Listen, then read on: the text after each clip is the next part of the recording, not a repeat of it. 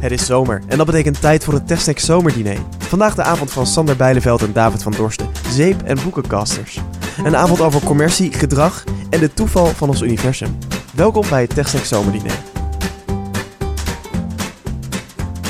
Sander en David, welkom. Eh, leuk dat jullie hierheen wilden komen. Leuk Eh, dat we hier mogen zijn. Ja, het TechSnack Zomerdiner. Ehm, ook een soort van, eh, ja, bijna samen, wat hadden we ook weer gedoopt? Zeepsnacks. Zeepsnacks, van, ja. eh, ja. want eh, we hebben jullie aangekondigd als zeepcasters. Jullie zijn de mannen van de zeepkast en niet te vergeten de boekenkast. ja, het, Waarom het lach je? Het sluimert, maar Wa- waarom? Ja. Nou ja, dat, dat, dat gaat zoals het gaat. Hè? ja. Zo moet ik het misschien eh, ja.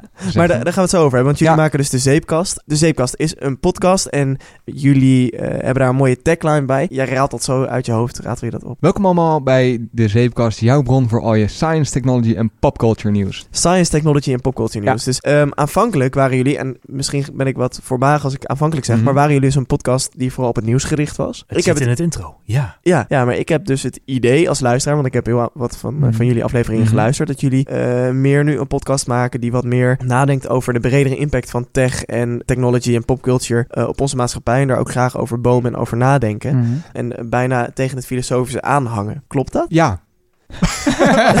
Dankjewel. Oh, sorry. Dit was eh, de TechStack Zomerdiner met de zeepkast. Nee, nee. nee dat, dat- dat klopt. We zijn begonnen inderdaad eh, vanuit vooral een Apple-interesse, zoals heel veel, eh, heel veel podcasters Mhm. volgens mij. Inderdaad, One More Things, ons ook niet vreemd. Eh, dus heel veel... eh, voor mij was dat een van de inspiratiebronnen voor podcasts Hmm. überhaupt. Ja. De, de originele OMT-podcast. ja. OMT Café, of de originele is niet Café geloof ik. Het was toch? niet café. Ik heb Ja. het daarvoor al... Het was toen Oh. gewoon de One More Thing podcast. De One More Thing podcast. Later is het opgesplitst in live en café. Ja. En eh, nu is er even niets, maar komt vanaf eh, september weer wel terug. No spoilers. Nee, we, de, hoe, het, hoe het aanvankelijk eh, zo zo is gekomen. Ze zijn inderdaad ooit begonnen met nou, One More Thing en dat soort websites lezen en het daar dan over hebben. Maar het Appels is, en Peren Show, ook een Ja. shout-out daarvoor. Want jullie een zijn twee vrienden die elkaar al heel lang kennen? Of?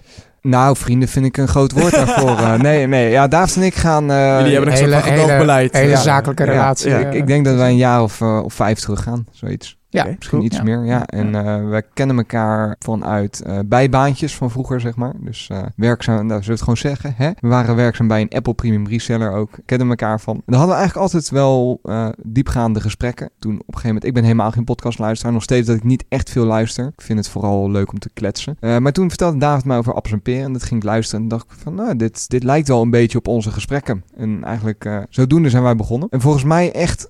Ik heb het niet nagezocht, maar bijna dezelfde week als dat jullie zijn begonnen. Ja, bijna Ja. wel hè, ja. Ja. Ja, echt, eh, echt heel dicht erop. We zijn even oud. Ja, hè? In podcastbegrippen dan. Ja, ja, ja, ja.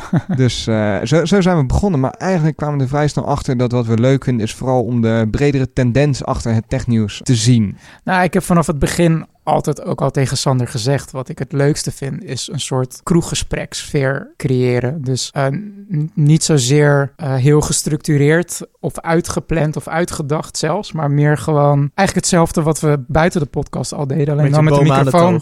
Precies. En, eh, Dus niet alles klopt ook altijd per se. En nou ja, het is wel... Nou ja, kijk, we zijn geen, geen, we hebben geen PhD in natuurkunde of iets Ja. dergelijks, maar dat, dat neemt niet weg dat je nog steeds kan bomen over bestaande aliens, ja of nee, Ja. zeg maar. Maar wat, is- wat is jullie achtergrond wel? Ik heb eh, HBO communicatie gedaan. Eh, daarvoor IT-beheer, dus ICT en communicatie. eh, dat snijvlak probeer Ja. ik me ook altijd op, eh, op te begeven. Ja.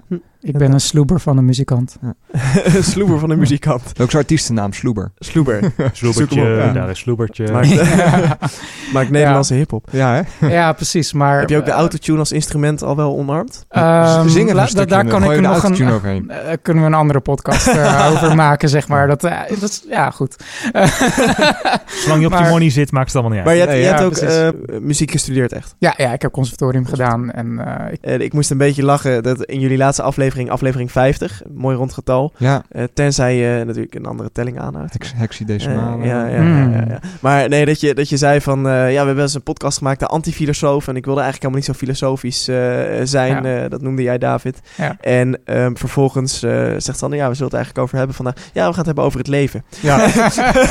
dat vond ik wel heel mooi. Dus Ja. dat, dat gaf mij het gevoel dat er wel een soort van koerswijziging... eh, natuurlijk ontstaan is in het maken van jullie podcast. Zeker. Correct me Het- het. Het, het is is absoluut eh, gewoon op een natuurlijke wijze geëvalueerd. Want toen we begonnen, dacht ik wel van... oké, laten we toch iets van een concept... we kunnen niet zomaar een, een, een microfoon starten. Nou, we hebben gebrainstormd over een naam. Daar is de zeepkast uitgekomen. Uh, en toen kwam ik met het idee van, joh, laten we gewoon even drie categorieën kiezen. Uh, technologie, uh, wetenschap en uh, popcultuur, want daar hebben we het over het algemeen over. En dingen als religie en zo proberen we dan een beetje te vermijden. Ja. Of politiek, Heel dat soort dingen. Als wij daar één seconde over gaan hebben, dan loopt de mailbox vol. Ja, is ja, dat is dat zo? Ja. Oké. Okay. Ja. ja, ik weet niet zozeer, ik weet eigenlijk op dit moment niet zo goed waarom ik het niet wil doen. Maar ik denk dat ik het nog steeds niet wil doen. Je, je kan gelijk een brugje maken naar hele uh, privacy uh, schandalen, et cetera. Je, je, wilt niet dat bepaalde dingen op mic staan of op, uh, opgenomen worden... waar je eventueel later weer problemen mee kan Dat is voor mij wel echt oprecht okay, een, ja. afweging daarin. Ja? Als okay. je ooit voor een niet nadig te noemen politieke partij in de gemeenteraad wil... en ze duikelen een opname van je op... Hmm. Bijvoorbeeld, ja. ja, Dat wordt uitvergroot. Ja, je ziet het vaak genoeg gebeuren. Is dat zo? Ja. ja, dat geloof ik best. Maar op dat level denk ik dus niet na. Ben ik nou ja, ik denk wel oprecht van, ik wil nog wel naar Amerika op vakantie. Ja. Uh, ik pas wel even op met wat ik zeg. Oh, dat is heel grappig. Want uh, ik ga met mijn band deze week... Shameless self-plak. Ja, mag. het mag. Wat care. is de naam? Uh, Kid Harlequin. En uh, welk genre? Uh, industrial rock. Cool. Dus basically rock met synthesizers. Even um, in je vingers knippen voor de microfoon. Fragmentje.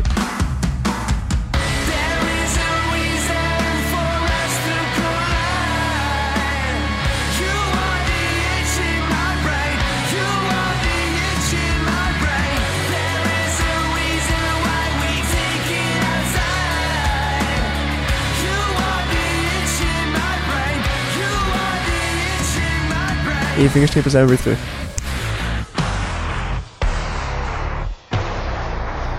Hey. Awesome. Nice. Klonk goed, we David. Have, we have the technology. Ja. maar uh, daar gaan we dus een, een, een uh, primeur, een cover, voor het eerst een cover spelen van uh, David Bowie, I'm Afraid of Americans. omdat, dat, omdat we dat gewoon toepasselijk vonden. en maakten we ook de grap van, ja, dan kunnen we hier nou niet meer spelen, toeren in Amerika. Maar gaan we gewoon in Zuid-Amerika toeren. Ja. Maar dus, dus daar ben je wel bewust mee bezig als je de zeepkast uh, maakt. Van waar eigenlijk de naam zeepkast? Nou ja, het de echte fans weten het. Ja, dat het idee oh erachter is... Ik val hier uh, even door de mand heen. ik vroeg het op het podcastfestival. Gasten, wat een fuck, zeepkast. Ja. Tell me. Ja. Nou ja, David, jij hebt hem verzonnen, dus... Uh, Volgens mij weet jij het ook niet meer. Ja, wel. Je uh, had vroeger, als je iets wou verkondigen, of jouw mening wou verkondigen, of mensen overtuigen van jouw mening, dan zette je, ik geloof in Hyde Park. Daar is het onder andere ja, ook. Zet je, zet je een zeep kist neer en daar ging je op staan om jouw mening te verkondigen. En dan krijg je zo'n zo'n crowd voor je. Het kwartje, dus, het viel. Ja. Mm -hmm. ja. Mm -hmm. Ja, ja. En we zijn weer terug. Dat was het kwartje. Ja. ja. Ik leer snel. Ja. dus dat, uh, dat is de, de, naam de zeepkast. Ja. Cool. Ja, precies. En uh, ja, het is dus ooit dus met, die, met soort van die drie pilaren begonnen. Ja, ja op dus een gegeven drie pilaren popculture, technology. Ja, popculture is eigenlijk gewoon het excuus voor als er ooit een keer als er een toffe film uitkomt, dan kunnen we en we ja. hebben geen onderwerpen gaan nou getoond over in een film hebben. In onze beschrijving overal staat gewoon nog steeds dat we het hebben over het laatste seizoen van Game of Thrones ook. Die hebben we ook nooit, nooit meer behandeld, nee. by the way. Dus, uh, maar ik vind het nog steeds een leuk, verkoopt lekker, toch? Game of ja. Thrones is populair, dus. Daarom, hè, clickbait. ja. ja. Jullie doen vandaag een soort uh, wietse, want jullie zeiden, ja, we hebben wel een onderwerp, maar we hebben ook eigenlijk weer honderd onderwerpen meegenomen. Um, dus ik ben wel benieuwd. Ja, nee, we hebben, dus, zoals David aangaf, we zijn er vanmiddag even voor gaan zitten. En we vinden het altijd heel moeilijk om uh, nou echt gewoon onderwerpen te bedenken. Dus we hebben wel een aantal dingetjes die ons leuk lijken om met jullie, uh, jullie te bespreken. Ja, dan gaan we het daar niet over hebben. Dan gaan we het daar kijken. niet over hebben. Ja, ik wou wel even induiken, want jullie zijn nog wel volgens mij wat Apple zwaarder dan wij dat zijn. Jullie hebben het wel over de laatste ontwikkelingen ja. en over... Uh, ik heb de laatste tijd achter elkaar een aantal, vind ik, slechte ervaringen met Apple gehad. Dus ik zou het daar met jullie wel eens over willen hebben. Daar ben ik wel benieuwd, uh, benieuwd naar. Uh, ja, we hebben nog een lijstje. We hebben, Laten we gewoon beginnen ik, met ik, de, de, slechte ervaringen met ja. Apple. Ja. En dan wel kijken we waar het strandt. Bij mij is het altijd, wanneer de microfoon aanstaat, ontstaat eigenlijk spontaan het verhaal. Dus, ja. Nee, maar je hebt een slechte ervaring met Apple. Nou ja, ik, ik merk dat ik een beetje mijn Apple-liefde aan het kwijtraken ben. En dat, uh, dat vind ik jammer. Want ik was best wel uh, into Apple ook. Ik, vond dat, uh, ik, ik vind mooie producten. Maar dat is eigenlijk al een poos gaande. En het, de, de, ja, hoe zeg je dat? De, de druppel die de emmer deed overlopen was, denk ik, nu begin dit jaar. Ik heb dat ook ooit in een van onze afleveringen verteld, maar die heeft het nooit gehaald. Want die was gewoon niet zo goed, dus die Nee. hebben we nooit gepubliceerd. Maar ik had is een, één eh, keer voorgekomen. Ja? Dat ik had die. een, eh, een iPhone 6 had ik liggen. En ik had vanuit mijn werk een, eh, een, een ander toestel, dus ik gebruikte hem niet. En toen kwam op een gegeven moment het nieuws van de hele battery replacement gebeuren. Ah, ja. Dus ik dacht, dat is mooi. Ik heb die iPhone 6 liggen en die was ook echt helemaal vercracked, die ba- batterij. Dus die, die wou ik wel graag laten, laten omwisselen voor 29 euro. Dus op de dag dat het kon, ben ik gelijk gaan bellen. Eh, heb ik dat ook gelijk ge- gevraagd. En toen kreeg ik in eerste instantie iemand aan de lijn die er niet zoveel van af wist. Is niet erg, kan gebeuren. Het kan je eerst dag... Dus eh, geen probleem. Dus ik heb hem verteld van, nou ja, er loopt als het goed is nu... eh, wil ik graag mijn toestel opsturen. Tot drie, vier keer toe moest hij wat navragen als collega's, kwam die terug. En eigenlijk kwam het er uiteindelijk op neer dat hij zei dat ik of langs een, eh, een- winkel moest gaan. Dus ik gaf aan, ja, jullie winkels zijn constant vol, dus ik kan daar geen afspraak maken. Nee. Maar ik weet ook dat je hem op kunt sturen, zei ik tegen ja, dan krijg je een doosje. En Ja, dus dat gaf ik hem aan van joh, Ja. eh, volgens mij kan je dat ook. En eh, oh, dan moest hij navragen, kwam hij weer terug. Dat klopt. Dan moet er wel een borg op je creditcard staan. Ja. Nou ja, dat heb ik, nou ja, jij zegt gelijk ja. Ik was dat ook gewend van Apple. Ik heb dat wel vaker gedaan. Dus ze hebben mij link, hij heeft mij daar ter plekke in het gesprek een link gestuurd daarvoor. Nou, ik netjes die borg op mijn creditcard laten zetten. En toen kreeg ik een, wat is het, anderhalve week later kreeg ik bericht dat mijn telefoon omgeruild was. Dus, oh, dat is relaxed. Ik krijg een hele nieuwe eh, telefoon. Maar het zat me toch niet lekker. Dus ik ben ze toen op een gegeven moment gaan bellen. En dat was ook wat vaag. Want toen in eerste instantie kreeg ik iemand aan de lijn. Die kon me niet helemaal vertellen waarom die nou was omgewisseld. En terugbellen. Dus eh, ik kreeg een senior aan de lijn. Ik ga er heel snel doorheen hoor. Want dit is allemaal urenwerk zeg maar. Oké, ja. En die gaf aan dat toen mijn toestel aankwam, dat hij niet meer aanging. En dat daarom mijn telefoon omgeruild is. En dat ik met de borg ermee akkoord ben gegaan dat reparaties tot en met 300 euro. Ah, eh, dat ik daarmee akkoord ben. Dus zei, nou ja, dat is niet helemaal waar. En eh, god, ja, als het goed is kun je het systeem ook zien dat mijn telefoon werkend opgestuurd is. Want ik heb daar ter plekke Find My iPhone uitgezet. Nou, Ja. Ik moest even navragen. Bel afspraak later. Ja, nee, dat klopt, dat kunnen we zien. Oké, ja, dus. Ja, nee, ja, hij is hier toch aangekomen en hij deed het niet. Dus we hebben hem vervangen. Nou, vier, vijf keer gebeld. Maar daar bleven ze bij. En er kon niks voor, eh, voor betekenen. Dus ik heb in eerste instantie mijn batterij opgestuurd. Voor een batterijvervanging van 29 euro. Maar het zou ook best 300 kunnen worden als je een beetje pech hebt. Je krijgt er voor- van tevoren geen bericht over. Hm. Dus ik gaf ik op een gegeven moment aan van... joh, ik snap dat jij daar niks aan kunt doen. Dat jij niet de autoriteit hebt om een beslissing te maken... dat het gewoon crediteerd wordt. Zegt hij, oh, maar dat kan ik wel hoor. Zo, oh, maar we hebben het Hey. over dan. Ja. Doe, Doe even dat dan. even Ja, anders. ben ben je niet met me eens? Of van, nee, ja, dat kan ik echt niet zomaar doen. Dus ik heb nu een iPhone 6 van 300 euro, 16 gigabyte refurbished. Of zoals Apple zo mooi zegt, nee, dat is remanufactured. Manufactured, ja. Ja. Maar dat is, dat vond ik Dat is echt... niet, niet de customer experience die je verwacht van zo'n nee, premium nee, en bedrijf. ik heb dat dus een aantal keer ook aangegeven. Ik heb echt eh, bij elkaar zeker 10 uur aan de lijn gehangen bij Apple daarover. Omdat het ook bijna een principe kwestie werd dat ik het er gewoon niet mee eens was. Maar eh, ja, daar, daar bleven ze bij. En een aantal van dat soort ervaringen. Mijn moeders iPhone die na eh, twee jaar en twee dagen kapot ging. eh, waar ze weigerde service op te verlenen. Een aantal van dat soort dingen. En ik hoor dat wel vaker van veel mensen. Dat de customer Mhm. experience op dit moment in Nederland niet is wat je ervan mag verwachten. Is dat iets van deze tijd? Want eh, daar refereer ik even aan. Jullie hebben allebei gewerkt bij een Apple Premium Reseller. Mhm. En dat heb ik ook gedaan. En dan ga je op een gegeven moment ook naar de Apple Store. Mhm. En dan krijg je daar je sales trainingen en je, je, Ja. je product eh, Mhm. trainingen. Daar hadden ze, tenminste toen ik die trainingen kreeg, hadden ze daar best wel goede specialisten voor ingehuurd om die sales trainingen te geven. Ja. Om echt een vrij unieke Ja. customer experience te creëren eh, in Nederland voor de Apple klant. Waarin toch de, redelijk wel de klant koning is. Ja. Binnen de, Ja, Ik, dat, ik vind het... Ik vind, eh, dit dit ik- klinkt ik- meer als de klantenservice van de mediamarkt. ja. Precies. Ja, ik heb Sanders verhaal een soort van live eh, meegemaakt, zeg maar, toen, toen, toen het... eh, Ja, jij zag mijn rage echt. eh, Precies, ja. en de fases en eh, En dat ik hem belde van wat is de update nu De, de, de five stages of Ja. grief, Ja, geloof ik. Maar ik vind het- ja. ja. Dus ik snap natuurlijk ook, eh, omdat ik persoonlijk ook veel retail-ervaring heb, van ja, wat voor indruk, indruk dat bij je achterlaat als consument. Ik vind het altijd wel lastig met hele anekdotische verhalen. Ik wil niks goed praten of zo, want sommige dingen, ja, dat, dat hoort gewoon niet te gebeuren. Maar naarmate, kijk, Apple is wel echt een gigantisch bedrijf. Nou, je wilt het hebben over En- schaal. eh. Precies, want waar ik dan bijvoorbeeld aan moet denken is bijvoorbeeld een game wat ik vroeger heel vaak speelde. Dat was eh, Alpha Centauri. Dat Mhm. was eh, van Sid Ja, ja. Meier. Een soort van spin-off van de Civilization serie. In principe is het gewoon Civilization, maar dan in space. En dit verhaal gaat ergens naartoe trouwens. maar, eh, eh, want in Alpha Centauri eh, ga je, start je een kolonie op, een, op een nieuwe planeet. En er zat een soort game mechanic in. Dat je dus begint met, met je eerste basiskolonie. En vervolgens kan je uitbreiden. En meerdere kolonies Ja. eh, eh, eh, starten. En je, je centrale policy, government, regering punt, dat kan je toebedelen aan één van die kolonies. En er zat een soort mechaniek in van hoe verder je een kolonie start vanaf dat centrale punt, hoe, hoe groter de kans is dat een soort corruptie ontstaat. Dus dan moet je dus ook heel strategisch gaan bedenken van oké, waar bouw ik mijn koloniën op en waar ga ik dan mijn, mijn center of, of, of culture en policy uh, neerzetten, zodat je de, de, de corruptie minimaliseert. Mhm. En als, je daar, als ik daar dan verder over nadenk, denk ik dat, is, dat lijkt wel een soort van algemene wet bijna. Dat als iets, je, je kan uh, alles zo mooi verkopen en als Apple ergens goed in is, dan is het marketing. Amazing, En- en- awesome, super effective. Bingo. eh, Ja. Precies, precies. Maar Apple werkt ook in, in de normale realiteit met wetten, met, een, met de natuurwetten wil ik bijna Mhm. zeggen. En dan heb ik bij het gevoel dat op het moment dat je zo groot wordt, dat je dus ook een service center in Limburg opent, zeg maar. Dat je dan zo ver van Cupertino Mhm. zit, dat de, dat, de, dat, dat de corruption rating van Alpha Centauri, zeg maar, groeit, zeg maar. Waardoor de kans op dit soort anekdotische verhalen, zeg maar, groter wordt. Nou ja, één ding Dat- wat wel gewoon vaststaat, is dat het serviceapparaat van Apple best wel overbelast is momenteel. Je kunt geen Hmm. afspraak bij de Genius Bar maken. Ja, Ze hebben hun, eh, bijvoorbeeld die iMac Pro, die kon je een paar maanden niet laten servicen, omdat er geen reparatiehandleidingen beschikbaar Ja. waren. Ja, maar dat, dat, is, dat is op zich niet het issue. Hè? Volgens mij, eh, als we dan deze anekdote pakken om Mhm.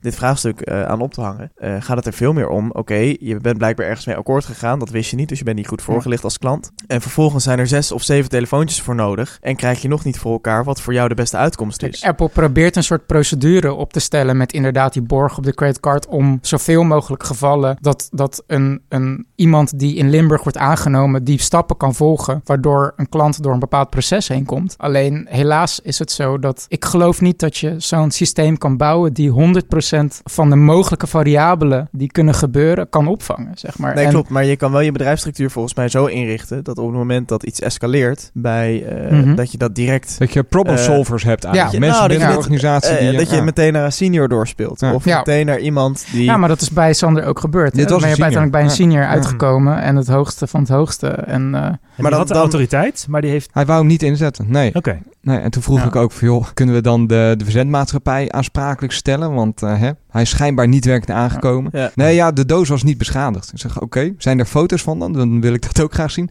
Nee. Ja. Oké. dan kiest iemand ervoor om zich aan de, aan de normale processen te houden, die, die dus niet 100% van alle variabelen kan vangen. En waardoor die dus misschien met zijn autoriteit dat kan inzien en, en zijn eigen creatief, creativiteit kan gebruiken. En nogmaals, ik probeer niks goed te praten of Nee, zo, maar, ik, ik heb wel het idee dat je heel erg inderdaad, eh, en dat is ook logisch, want ik Ja. vertel mijn verhaal, maar inzoomt op mijn verhaal. Maar ik vind het wel Ja. interessant wat jij zegt. Want ik heb namelijk wel het idee dat er een grotere tendens gaande is in het Mhm. serviceapparaat van Apple. En dat het niet meer is wat het was. Dat is of omdat er heel veel misbruik van gemaakt is. Dat er voorheen eh, te veel eh, toestellen zomaar omgeruild werden. Of ik weet de reden niet, maar ik heb wel het idee dat het niet helemaal lekker loopt. Dat is wel iets. Maar waarom loopt dat dan nu niet lekker? Dat, dat vind ik dan interessant. Nou ja, jij, Wat jij- is er nu jij veranderd? zelf Ja. eh, het, het, het groter worden van het bedrijf. Even simpel gezegd. Ja, dus schaal. Ja, het, de schaal. Ja. Ik zet daar vraagtekens bij als ik even een ander bedrijf aanhaal. Ikea. Mhm. Eh, misschien een bijzondere vergelijking, maar Ikea heeft een hele sterke bedrijfsfilosofie. Ja. En ehm, jouw shopping experience bij Ikea is ehm, eigenlijk in elk filiaal in Nederland in ieder geval hetzelfde. De servicelijnen bij de balie zijn Mhm. hetzelfde. Mhm. En zelfs internationaal is je Mhm. customer experience hetzelfde. Ehm, dus ik denk eh, dat het wel zeker kan. Alleen dat je heel sterk die verbinding moet houden tussen, eh, nou ja, eh, Cupertino en Ja. Limburg. Het bedrijf En moet platter. de mensen, de mensen in Cupertino, precies, die lijntjes moeten heel kort. Mhm. Tussen Ingvar Kamrad en de, de, de opperbaas van Ikea, die volgens mij inmiddels overleden is. Maar Ja. Mhm. dan nog eh, met Zweden en, en Nederland. De, als je die link maar sterk genoeg en die lijntjes maar kort genoeg houdt. ook al is het in, in, het in het idee zo dat je in ieder geval snel iemand bereikt hebt. dat je die filosofie heel makkelijk kan overbrengen. Maar is, is er dan niet binnen IKEA ook exact dit soort eh, gevallen, zeg maar? Want, want Apple Tuurlijk, heeft want in principe ook, ook overal Genius, Genius Bar, hetzelfde concept van reserveren. Die worden getraind Van- in Cupertino, die genius. Eh, Maar het- het gaat toch om mis eh, bij- Ze hebben ook een lijn naar Cupertino. Ik ken verhalen van, van mensen die dan met Limburg bellen. Ja. En dat het helemaal dusdanig escaleert dat engineers in Cupertino eraan werken. Maar eh, gaat het niet al mis bij het feit dat als jij een product koopt van een paar duizend euro en vervolgens geen afspraak kunt maken om het te laten servicen?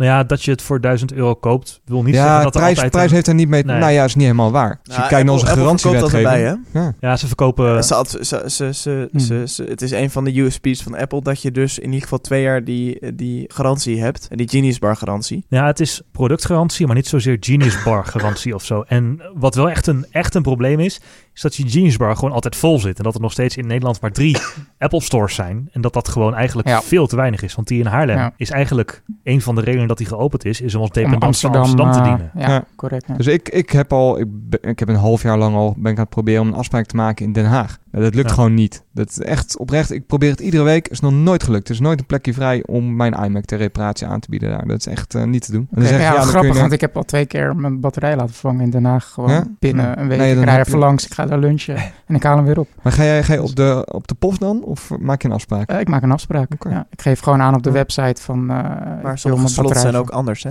True, ja. het- Je moet van tevoren wel aangeven waarvoor je inderdaad, dat klopt helemaal. Ja, ik, ik, ik vind het, een, ik vind het heel, een hele lastige.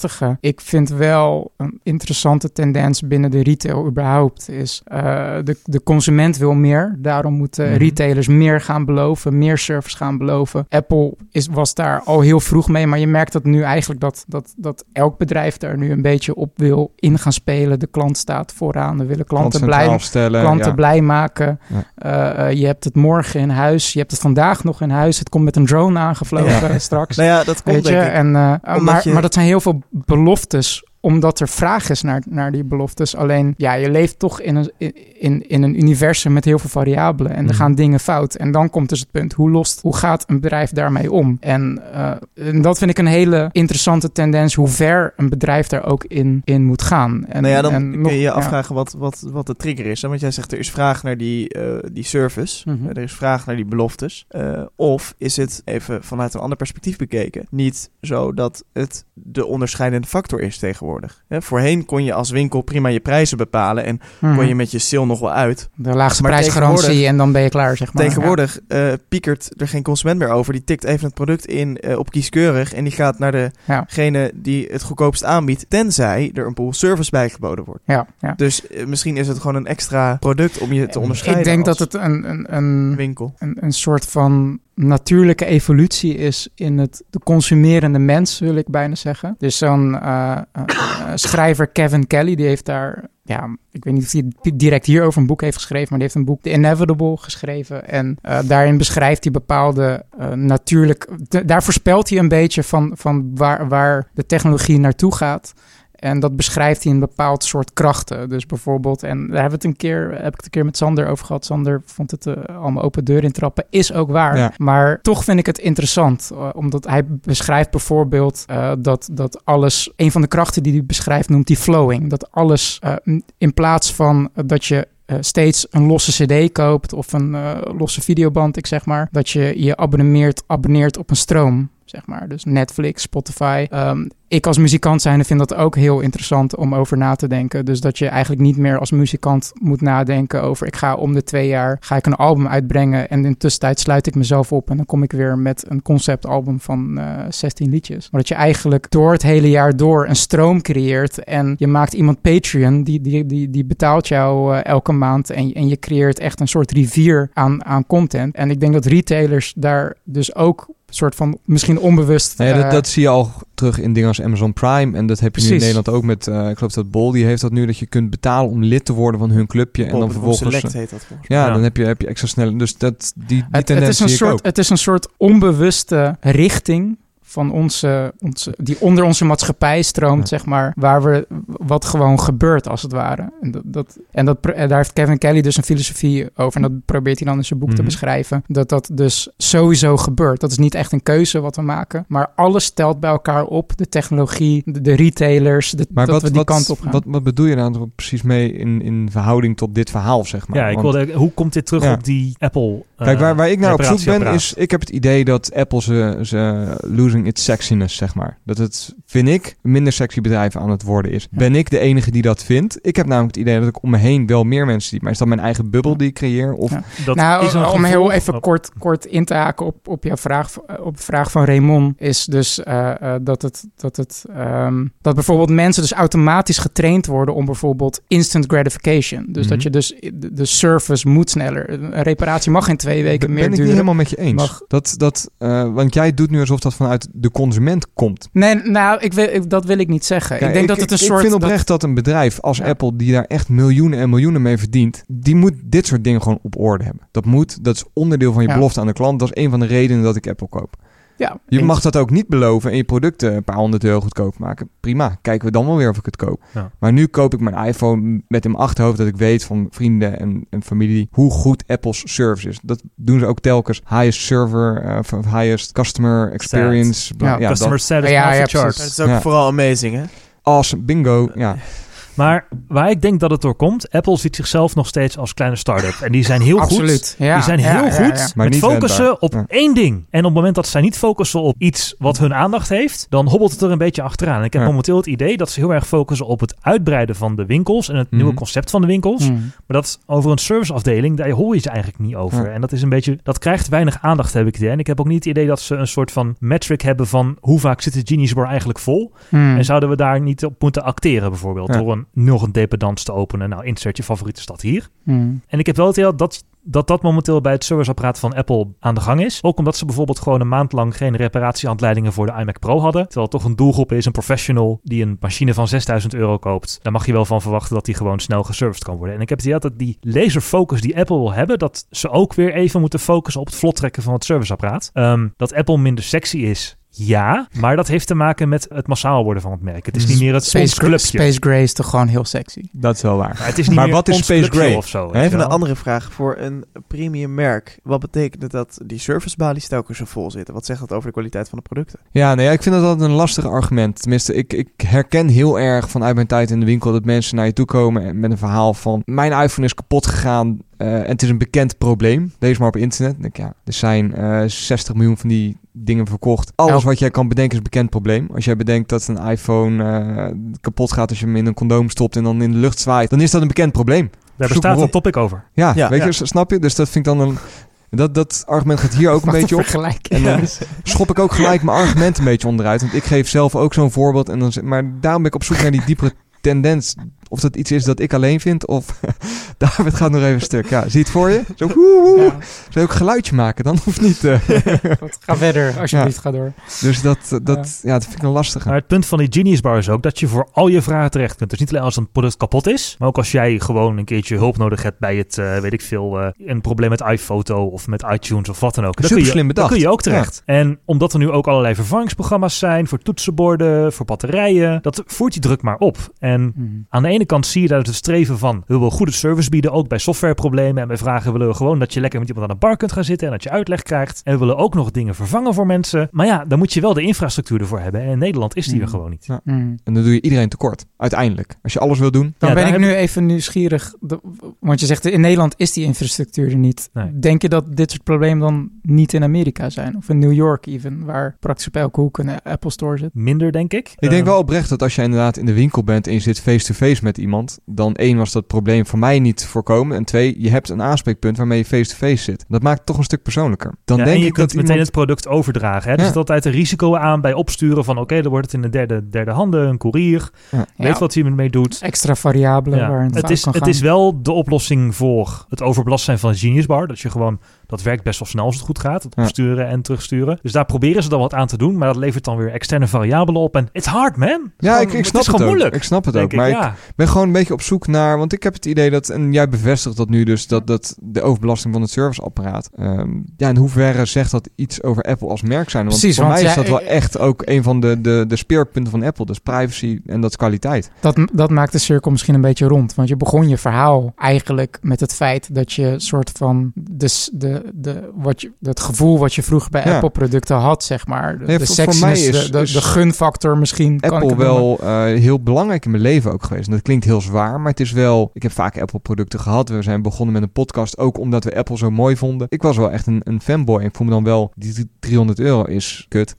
Mag ik schelden in jullie podcast? Ja. Kut. Die 300 euro. Maar dat... eh, ja, het gaat mij meer om het gevoel waar ik mee achterbleef. Dat ik echt mezelf niet serieus genomen voelde. Terwijl ik dat niet helemaal terecht vond. Dus ik ben Ja. nu ook kwijt. Dank jullie wel. Oké, Dus dat, nee, vond Heb ik jij ook een probleem? En wil je er ook over praten? schrijf aan bij Techniek Zomerdiné, de avond waar het om jou draait. Voor 50 euro per kwartier. ja, precies. Ja. Dus dat, nee, maar dat, daar was ik een beetje naar op zoek. Of Hm. Apple aan zich, eh, ja, zijn Ja, het is sexiness wel- aan, het, aan het verliezen is. Het is mainstream of zo. Je ziet dan wel dat ze nog steeds wel nieuwe iPhone aankondigingen, nog steeds Ja. wel de aandacht van het publiek weten te capturen. En dat iedereen enthousiast is over Mhm. Face ID en dat iedereen er meer over wil weten. En dat, ja, het spreekt nog steeds tot de verbeelding, maar het is wel een beetje mainstream. Het is Hmm. niet meer dat clubje mensen, oeh, oeh, wat is het eigenlijk? Dat Apple is geen underdog meer. Nee. Dat, dat voel je heel erg. En ja, dat heeft dus ja, positieve kanten. Dat meer mensen van, van de iPhone weten en Apple's winsten tegen het plafond klotsen. Maar ja, in Nederland is een klein landje. Ja. Serviceapparaat gaat er, eh, gaat er iets op achteruit. Ik, eh, ik ben er wel Apple-fan, maar dat moet ik ook erkennen. Dankjewel. Dat vind ik fijn om te horen.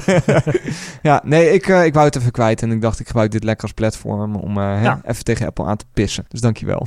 Nice. nice. Nee, we hadden het net al even over. Er was, ehm, een poosje geleden was voor het eerst in Nederland ook eh, de Amazon Prime Days. En dat vond ik intrigerend. Dat we nu in Nederland ook echt te maken gaan krijgen met het fenomeen Amazon. Of dat iets is waar we blij mee moeten zijn. De Amazon Prime Days. Dat ja. zijn... Nou, ik heb persoonlijk niks besteld, maar je hebt in Amerika heb je Amazon Prime Days. En dat is een, een, een actie van de winkelketen Amazon. Ken je die? Ja, Ja. ja. dat is zo'n zo'n Ja. winkeltje toch? Ja, ja. Ja. Boeken en zo, denk Ja. ik. hè? Boeken en zo, Ja, en die, eh, die, die doen dan zo'n dag. En dat is in Amerika is dat groter dan Black Friday. Er wordt meer besteld dan Black Friday. En je ziet eigenlijk steeds meer de tendens dat veel winkels dat doen. In China heb je nu ook zo'n eh, met, eh, met Singles Day. En dat is dan door Alibaba. Ja. Eh, en dat is groter dan heel Black Friday, Cyber Monday, Prime Day bij elkaar, zeg maar. Qua. Maar ik vind het best wel eng dat wij nu ook Amazon krijgen. En Amazon taferelen, zeg maar. Want een nieuwe winkel komt naar, komt naar Nederland. Wat hoe- is er eng aan? Ja, momenteel is Prime Day in Nederland bestaat echt gewoon niet. Ik heb voor Dat is mijn- niet waar. Je wordt echt uitgenodigd voor Amazon.de. Als je daar naartoe gaat, wordt de website naar het Nederlands verplaatst, of eh, vertaald. en als je klant qua- bent qua Amazon Prime, dan kun je het ook binnen een dag laten afleveren in Nederland. Ja, qua product, maar qua Ja. mindshare bij mensen. Ik heb gekeken, moet ik voor mijn Ja. werk aanbiedingen op een rij gaan zetten voor Prime Day? Is het iets wat onder Nederlands leeft? Ja, op die Ik fiets. heb een keyword-onderzoek gedaan met een eh, tool waarmee je kunt zien hoeveel mensen googelen. En dat was echt verwaarloosbaar. Er Ja? googelen nog meer mensen naar eh hamster, hamsterraden dan naar Prime Day. Oké. Dus dat speelt bij Nederlanders nog niet. En ook, Nee. Ik, ik hoor nu letterlijk voor het eerst over Ja, maar Prime dat, Day. waar ik meer naar op zoek ben, kijk, Amazon is wel ehm, de, de ver, verglobalisering van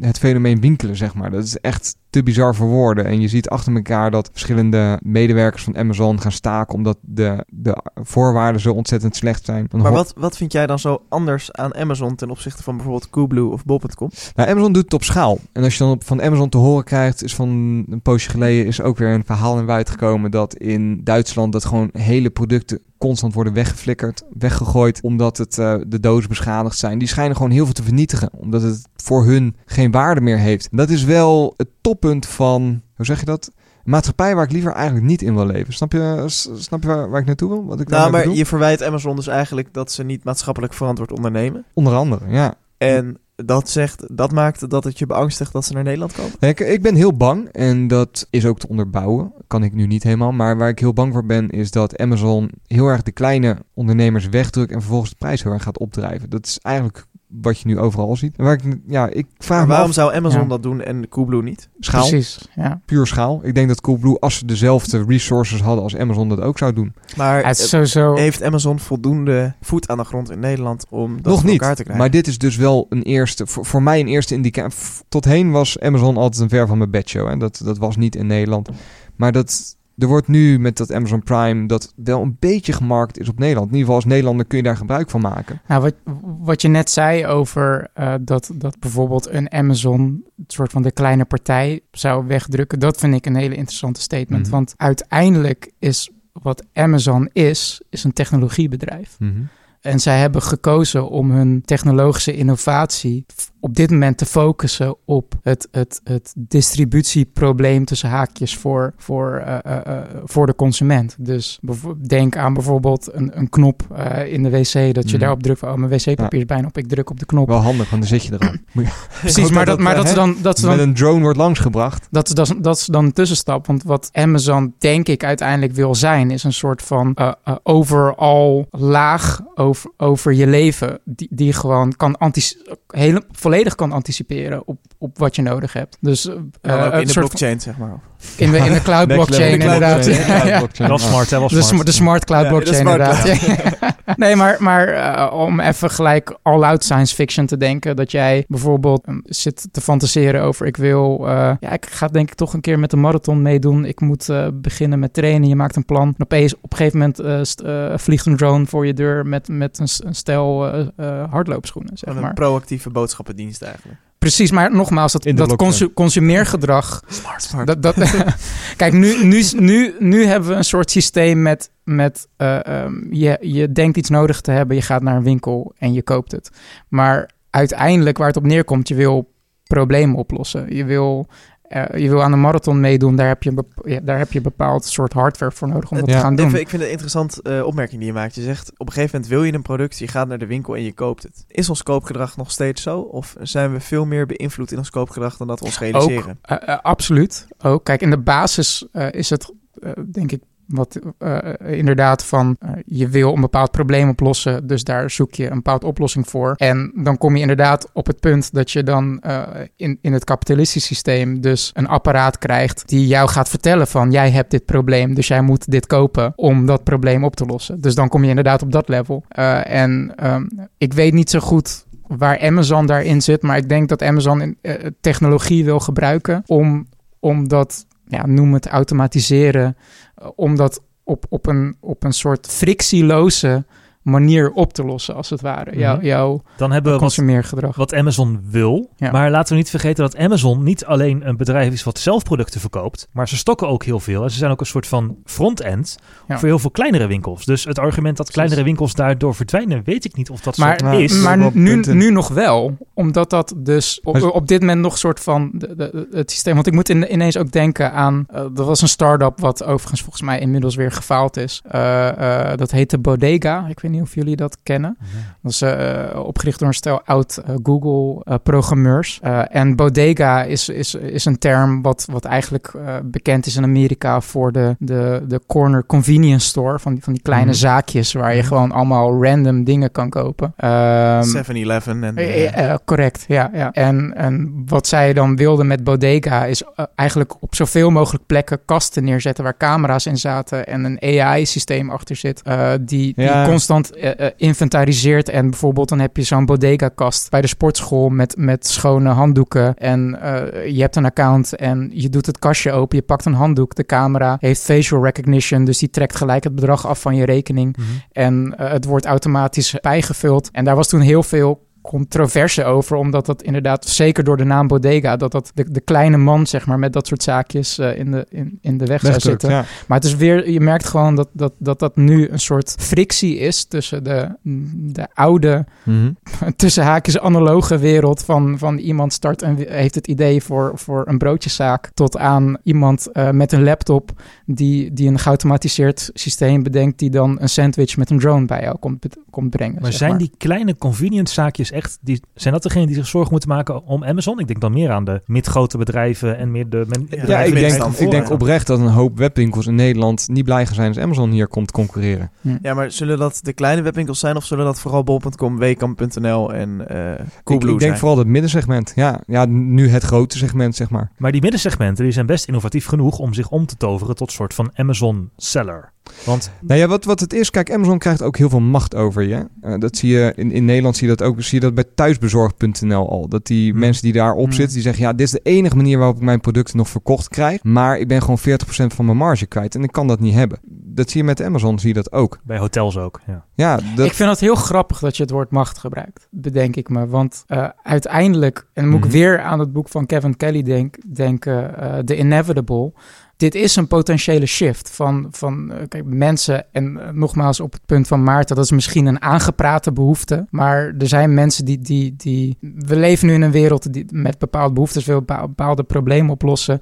En daar zijn verschillende ondernemers op verschillende schalen en op verschillende niveaus op gaan inspelen. En misschien is dit een shift naar, naar ook weer uh, een soort Netflix-subscription. Dat je gewoon een, een bepaalde multinational Uber-bedrijf soort van een, een licentie geeft om jou als het ware te screenen, een soort, soort spoke profile van jou te creëren en dat voor jou te regelen, zeg maar. Van boodschappen, ja, van de hele dat... praktische dingen toe tot misschien hele next level dingen. Maar, daar, daar ben ik aan zich ook niet tegen, want ik zie daar heel veel voordelen ook in. Dat je inderdaad ja, problem-solve uh, bedrijf hebt. Die gewoon zegt, joh, al die dingen, jij hoeft niet na te denken of je handdoeken schoon zijn. Want I ik denk dat, dat uiteindelijk... Dat vind ik een mooi, mooi idee, dat vind ik een goed concept. Precies, want ik denk dat, dat, dat uiteindelijk de, de, de persoon op straat het eigenlijk geen worst kan schelen. Ja, het gaat mij uh, meer om... Of die de handdoek bij een of ander uh, ambachtelijk mm. iemand die, die het van schijpen wil in elkaar om... naait. En die mensen zullen er altijd zijn. Nee, ja, maar over het, in, het, in het globale het, gaat mij om, homo sapiens ding. Om, ja. om, wat ik er nu, en in Nederland nog niet, maar wat je erachter ziet gebeuren. Dat er echt best wel, er wordt nu ook binnen heel Europa gestaakt door de medewerkers in de, de warehouses van Amazon. Omdat het schijnt echt heel slechte arbeidscondities ja. te zijn. Maar die worden ook op een gegeven moment vervangen door robots. Ja, maar zijn, snap wat ik bedoel? Zijn dat dan allemaal dingen die moeten ja. gebeuren zodat wij deze... Dus ik, ik, voel, ja, ik vind het gewoon spannend dat Amazon Nog steeds meer wordt.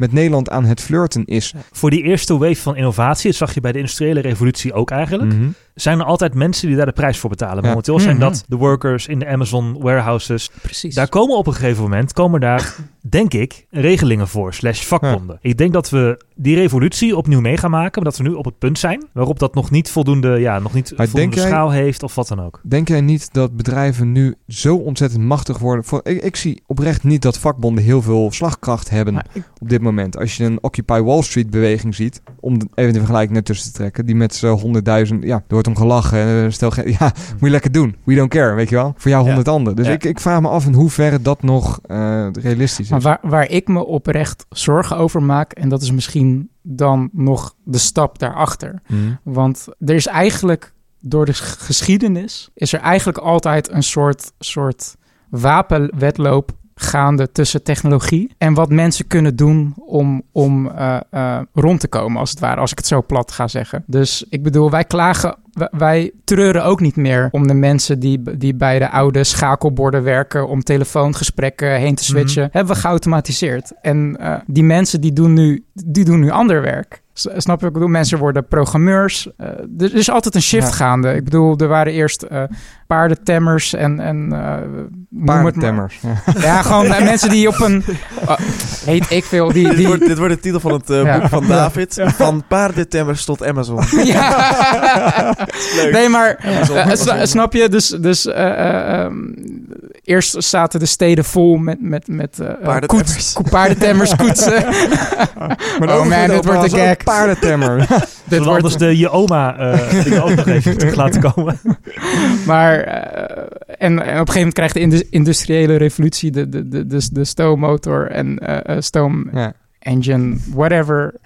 En maar, maar, er, maar er is altijd een, een, een, shift gaande van, van... Er zijn nieuwe... Technologie maakt volledige takken van banen overbodig. Ja. Maar tegelijkertijd wordt er... Uh, wordt, het, wordt er, worden er nieuwe industrieën geopend. Mensen kunnen opeens in een fabriek gaan werken. Nee, maar dat, nee en, die, die vergelijking gaat niet helemaal maar ik, op. ik heb mijn verhaal nog niet, niet, niet afgemaakt. Het maakt me helemaal niks uit. ja, want, want uh, nogmaals, Amazon is een technologiebedrijf. Ja. En de tendens die ik zie, mm-hmm. en nog, ik kan ernaast zitten. Uh, dus dat mag je zo zeker tegenspreken. Maar dat, dat technologie is, is nu aan de winnende hand. Want we hebben het nog steeds over de, de, de, slechte voorwaarden van arbeiders. Maar ik denk nu, ik zie nu al de filmpjes vormen van, van de, de, de pakhuizen die volledig geautomatiseerd zijn. Waar alleen maar karretjes rondrijden. En uh, dus die banen verdwijnen. En er komen technologie en artificial intelligence en automatiesystemen. Mm. Die, die brengen niet nieuwe uh, banen daarvoor terug. Ja, daar ben ik allemaal met je eens. Maar waar het mank gaat, is dat jij de correlatie tussen het overbodig maken van banen gelijk zet aan het slecht behandelen van werknemers. Ja, kijk, dat, dat, dat is dan het, uh, dan het microperspectief.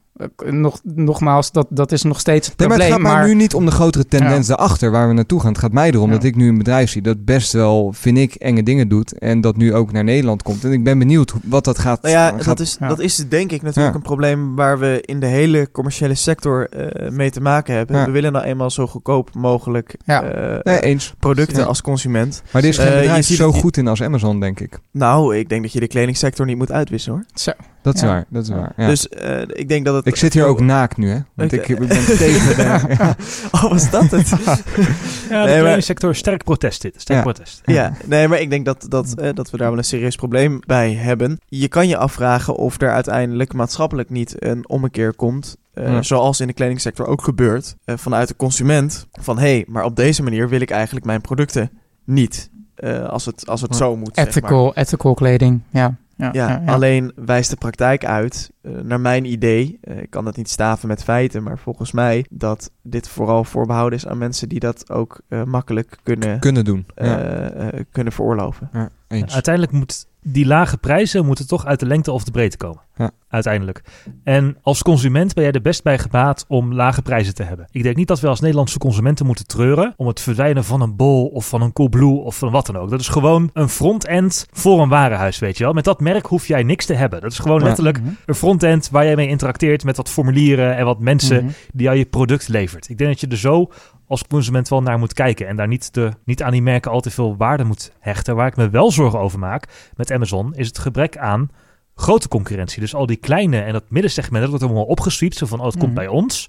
Maar Amazon moet niet de absolute macht krijgen als grote reus. Want dan kunnen ze doen wat ze willen, kunnen ze de prijzen opjagen, kunnen ze van alles gaan doen. Dank je. Je verwoordt wat ik Ja. wil zeggen eigenlijk. Dus Ja. een van die, en dat is in de VS nu eigenlijk niet zo. Ja, supermarktketens proberen wat. Maar in Nederland mogen we misschien wel blij zijn met Ahold en Bol. Dat die Amazon nog een beetje tegengas kan geven. Want in bepaalde landen, zoals ook Duitsland, hebben ze eigenlijk vrij spel. Ja, nou ja, dat Met is, de eh, 400 euro jobs. dat is waar ik me dus zorgen over maak. Want dit, ze zijn nu aan het flirten met Nederland. Betekent dat dat wij ook Amazon gaan krijgen of hier? Ik weet het niet. Ik denk dat ze ontzettend hun best moeten doen om mensen buiten hun gebaande paden te laten treden. Dus Ja. om daadwerkelijk naar Amazon toe te trekken, eh, denk ik dat je als Ja. winkelketen wel echt een fors Ja. marketingteam moet gaan inzetten. Ja, Hives eh, bestaat ook nog steeds, hè? Ja, nee, goed, daar heb je natuurlijk een punt. Maar dat is makkelijk, hè? Dat is makkelijk. Nee, maar dat is ook een ander mechanisme.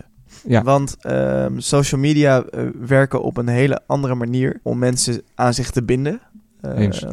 Dat is iets anders dan Ja. een winkel. Ja, Als ik, als ik tevreden ben over mijn super... Ik ben onlangs verhuisd, Hm. heel praktisch. En ik ga soms nog steeds... Er zit een supermarkt bij mij echt nu letterlijk om de hoek op 400 meter lopen. Maar dat is een Jumbo. En ik ging altijd naar de Albert Heijn. En nog steeds ga ik wel, fiets ik op, nog wel eens naar de Albert Heijn... omdat ik gewoon sommige dingen niet kan vinden. En omdat ik het fijner winkelen vind bij de Albert Heijn. Ja. Dus om mensen daadwerkelijk naar een andere winkel... en zeker als, als webwinkel aan je te gaan binden... eh, denk ik dat je echt wel je best moet doen. En er is een belangrijk verschil tussen de virtuele wereld, een platform dat alleen online bestaat, en iets wat nog impact heeft op de echt. Dus er zal een pakketje bezorgd moeten worden. Je zult moeten interacteren met een winkel. Dat is echt heel. Zodra er hardware bij komt kijken, maakt niet uit. Mhm. f- Fysiek bij komt kijken, is het heel veel moeilijker om iets heel snel te veranderen. Maar, en dat is precies wat Raymond nu beschrijft. Dat is de frictie die die, die consument ervaart. En ik denk dat, dat, want jullie hebben het de hele tijd over prijzen. Maar ik Mhm. denk dat, dat Amazon's uiteindelijke doel niet zozeer dat is, maar gewoon met technologie die frictie eh, op te lossen voor de klant. En dan is eh, hun theorie dat de consument daar dan uiteindelijk voor gaat kiezen. En eh, het is dan interessant om te zien of dat inderdaad uit gaat komen. En of je dan inderdaad tegenbewegingen krijgt, als bijvoorbeeld die ethical clothing. Dat mensen dan eh, verlangen naar de dorpsgemeenschap en de, en de buurtsuper. Ik vind, het, ik vind het heel interessant. Ik weet het oprecht niet. Ik sta bijvoorbeeld nu in de wachtrij bij Picnic, omdat ik zoiets heb van: ik heb geen tijd om naar de supermarkt te gaan. Eh, het wordt bij me gratis bezorgd en ik kan het via een app doen. En als Picnic dat op een gegeven moment voor mij, voor mij kan voorspellen, dan ben ik, ben ik is er een, een bepaald level van mijn mens zijn, is dan nog blijer, zeg maar. Snap je? Nog maar- blijer, David. Precies. Je bent al zo blij. Ja. Nee, maar, maar snap je waar, waar ik naartoe Ja. wil? Want uiteindelijk ben ik ook ergens die hippie inderdaad, die alleen maar ethical clothing wil kopen. Maar het, het, is me te duur, maar er zijn vast ook manieren. Ik kan eh, naar de... Je kan het ook zelf maken, David. Bijvoorbeeld, ik kan ook inderdaad mijn moestuintje maken, et cetera. Kan allemaal, maar het is toch, toch die, die technologie die Gemak- lonkt. En Gemak dient de mens ook. Je wil ook graag... dat, ja, dat, dat is ook, ook de manier om te, om te zeggen. En dat is iets wat, wat mij persoonlijk Ja. meer interesseert van, van waar, dat, waar dat naartoe gaat. Niet zozeer dat eh, bijvoorbeeld dat Amazon het- een monopolie krijgt en dan op prijs bijvoorbeeld. Dat is dus dat, die marktwerking, maar meer dat ze gaan concurreren op technologie. En, en die wrijving wegnemen en waar de consument dan voor gaat. Ben ik nog wel benieuwd of je daar idee over hebt, eh, eh, Sander, dat op het moment dat Amazon naar Nederland komt, Mhm. wat zal de reactie zijn van de Nederlandse sector? Die voelen natuurlijk dan ook dat gevaar wat jij beschrijft. Zullen zij eh, hun services gaan aanpassen? Ja, vind ik een goede vraag. Ik denk dat heel veel Nederlandse retailers daar al mee bezig zijn. Ik denk dat, ja, tenminste, ik ben geen marketeer, maar ik kan me niet voorstellen dat al die grote Nederlandse webwinkels niet ook een beetje aanzien komen en, en hun diensten al spiegelen aan Amazon. We moeten niet vergeten, Amazon is niet alleen een webwinkel. Amazon is een hele Ja. grote hostingpartij. Is, heeft een Oh ja. hele grote supermarkt. Ja. Is bezig met eigen cargo vliegtuigen. Ja. Ehm, dus stiekem is werelddominantie wel iets waar Amazon op... Nogmaals, Amazon is een technologiebedrijf. Ja. Het is eh, precies. Het, eh, het- en, Nee, en, nee, en, dat, en, uitzicht, en dat uitzicht in een webwinkel en een eigen cargo vliegtuig. Maar het is niet helemaal een Nou technologiebedrijf. ja, ze hebben ook Whole Foods. Ze verkopen ook eten. En ze gebruiken experimenteren... technologie voor een dienst. Maar ik ben het wel met je eens dat ze willen zoveel mogelijk krenten uit de pap. Ze willen in zoveel mogelijk sectoren willen ze actief zijn. En ze Zullen gebruiken technologie. ja. Jouw hele leven, dus of dat nou een website bezoeken is... of eten kopen, of TV een boek kijken. kopen, Ja. of een serie kijken... dat Amazon daar eigenlijk tussen zit als soort van middelman... en daar een paar procentjes van af kan snoepen. Precies. En, Nou, als als facilitator eigenlijk. Ja. Ja, als, als, een laag over jou, als een laag over jouw leven. Ja. En, Leven as a service bij Amazon. Ja. Precies. En, en, en, dat moeten je we, leven. en, en nu moeten wij als Nederlander naar Amazon.de of Amazon.nl. Eh, maar op een gegeven moment denk ik dat dat... Dat is nu de technologie, zeg maar. Maar dat, dat gaat verdwijnen, als het ware. Dan is het gewoon Amazon een soort iets wat, wat door je leven, eh, leven meegaat. Als ik dan helemaal Black Mirror science fiction ga, ga, ga denken... Is, eh, precies. Dan, dan word je geboren en, en, En je gaat dood. krijg, krijg je een, krijg je, krijg je naast, krijg je gewoon naast je naam krijg je een Amazon-account. En die gaat jou vanaf dat moment volgen. En die gaat jou in alles faciliteren. Van je boodschappen tot aan de films, eh, wat je entertainment die je wil consumeren. En de ouders hebben al, door het algoritme is al bekend dat het kind komt. Dus er liggen Door al vijf pakken luiers klaar Ja. door de drone bezorgd. Mm. Op het moment dat het kind geboren wordt. Want we hebben al die statistieken bij elkaar opgeteld. En gemiddeld wordt een kind zoveel weken na dat mama gaat googelen op babykleertjes geboren. Dus dan zorgen we gewoon dat die pakken luiers verstaan. Ja. En dat kan Amazon, want Amazon heeft datacenters vol met servers die ze daar allemaal voor kunnen inzetten. Developers kunnen het gebruiken. Ehm, en daar moet, moeten de Nederlanders, Nederlandse winkels als Wekamp en Coolblue zich best wel een beetje zorgen om gaan maken. Want die hebben geen datacenters vol En machine dat, learning. dat is precies mijn punt. En dat is waarom ik Amazon de hele tijd een technologiebedrijf noem. En dat zij bepaalde eh, sectoren hebben gekozen wat alleen maar aan het groeien is. Tot, totdat ze met alles in je leven te maken Ja. hebben. En, en Amazon is daarin niet de enige. Ik bedoel, ik denk meteen ook aan een Google. Alleen Amazon heeft gewoon een denk ik op een bepaald level een stap voor. Dat zij dus eh, het pad hebben gekozen van, van bijvoorbeeld een Whole Foods eh, en noem het maar op. Nou, ze En dragen dat het is een beetje mijn logo, punt. hè? Ja. Het is in your face als je, Ja. als je de website bezoekt. Van A Ja. tot Z. Moet Ja. Ja. maar eens kijken. De ja, weet smiley er staat eh, een eh, pijltje staat een tussen. pijltje van A Ja. tot Z. Ja, Ja, Google heeft het, het menselijke niet. Google zit nog heel erg in die online wereld. Alles is een beta. We gaan gewoon software uitrollen. Het is een testversie, maar in het echte leven nemen mensen geen genoegen met de testversie. Ik doe even Eh. mijn microfoon af. Want ik ga luisteren of ik jou zonder, of mijn koptelefoon, zonder koptelefoon ook zo'n mooie radiostem vind te hebben. Want het was me Oh. niet zo opgevallen dat jij een hele mooie radiostem hebt. En met, micro, met koptelefoon op hoor ik dat Ja. nog beter, zeg maar. Krijg je dat wel eens vaker te horen? Of, eh, Ja, dat is een beetje mijn leven. ja? ja. Ja, maar ik, ik, vind het, ik vind dat vooral een hele interessante tendens. Dat er, dat er gewoon eh, ehm, eigenlijk big data bedrijven zijn. Mhm. die dus inderdaad, ik gebruik maar het woord macht potentieel krijgen. Dat je uiteindelijk een partij kiest van ik kies die partij voor de layer Amazon. over, over mijn leven. En, en eh, ik, ik denk dat, dat Amazon daarin een interessante partij is. Maar Ten moet opzichte wel van een Google. zijn. Want je hebt nu Android en iOS. Ja, Ik vind Amazon de Android, Hmm. maar de iOS, van de, de iOS van je leven, die ontbreekt andere misschien dingen, nog. Ja. die is er nog niet. ja. Maar geen van, onze, nee, geen van onze Nederlandse retailers, sorry hoor. Coolblue heeft geen datacenters vol Nee. met racks die ze voor machine learning kunnen gebruiken. Blokker is kansloos. Ze denken dat je met wat nieuwe groene zeep een winkel kunt... Blokker is kansloos. Ja, maar serieus, met een beetje groene zeep een winkel om kunt toveren. Die zijn helemaal niet bezig Ja. met die technologische ontwikkelingen. Alle ik denk dat Nederlandse Google retailers. die kant wel op wil. Ja, Echt dat denk ik ook. Als ik, ik heb vorige of twee weken geleden was mijn koffieapparaat ontploft.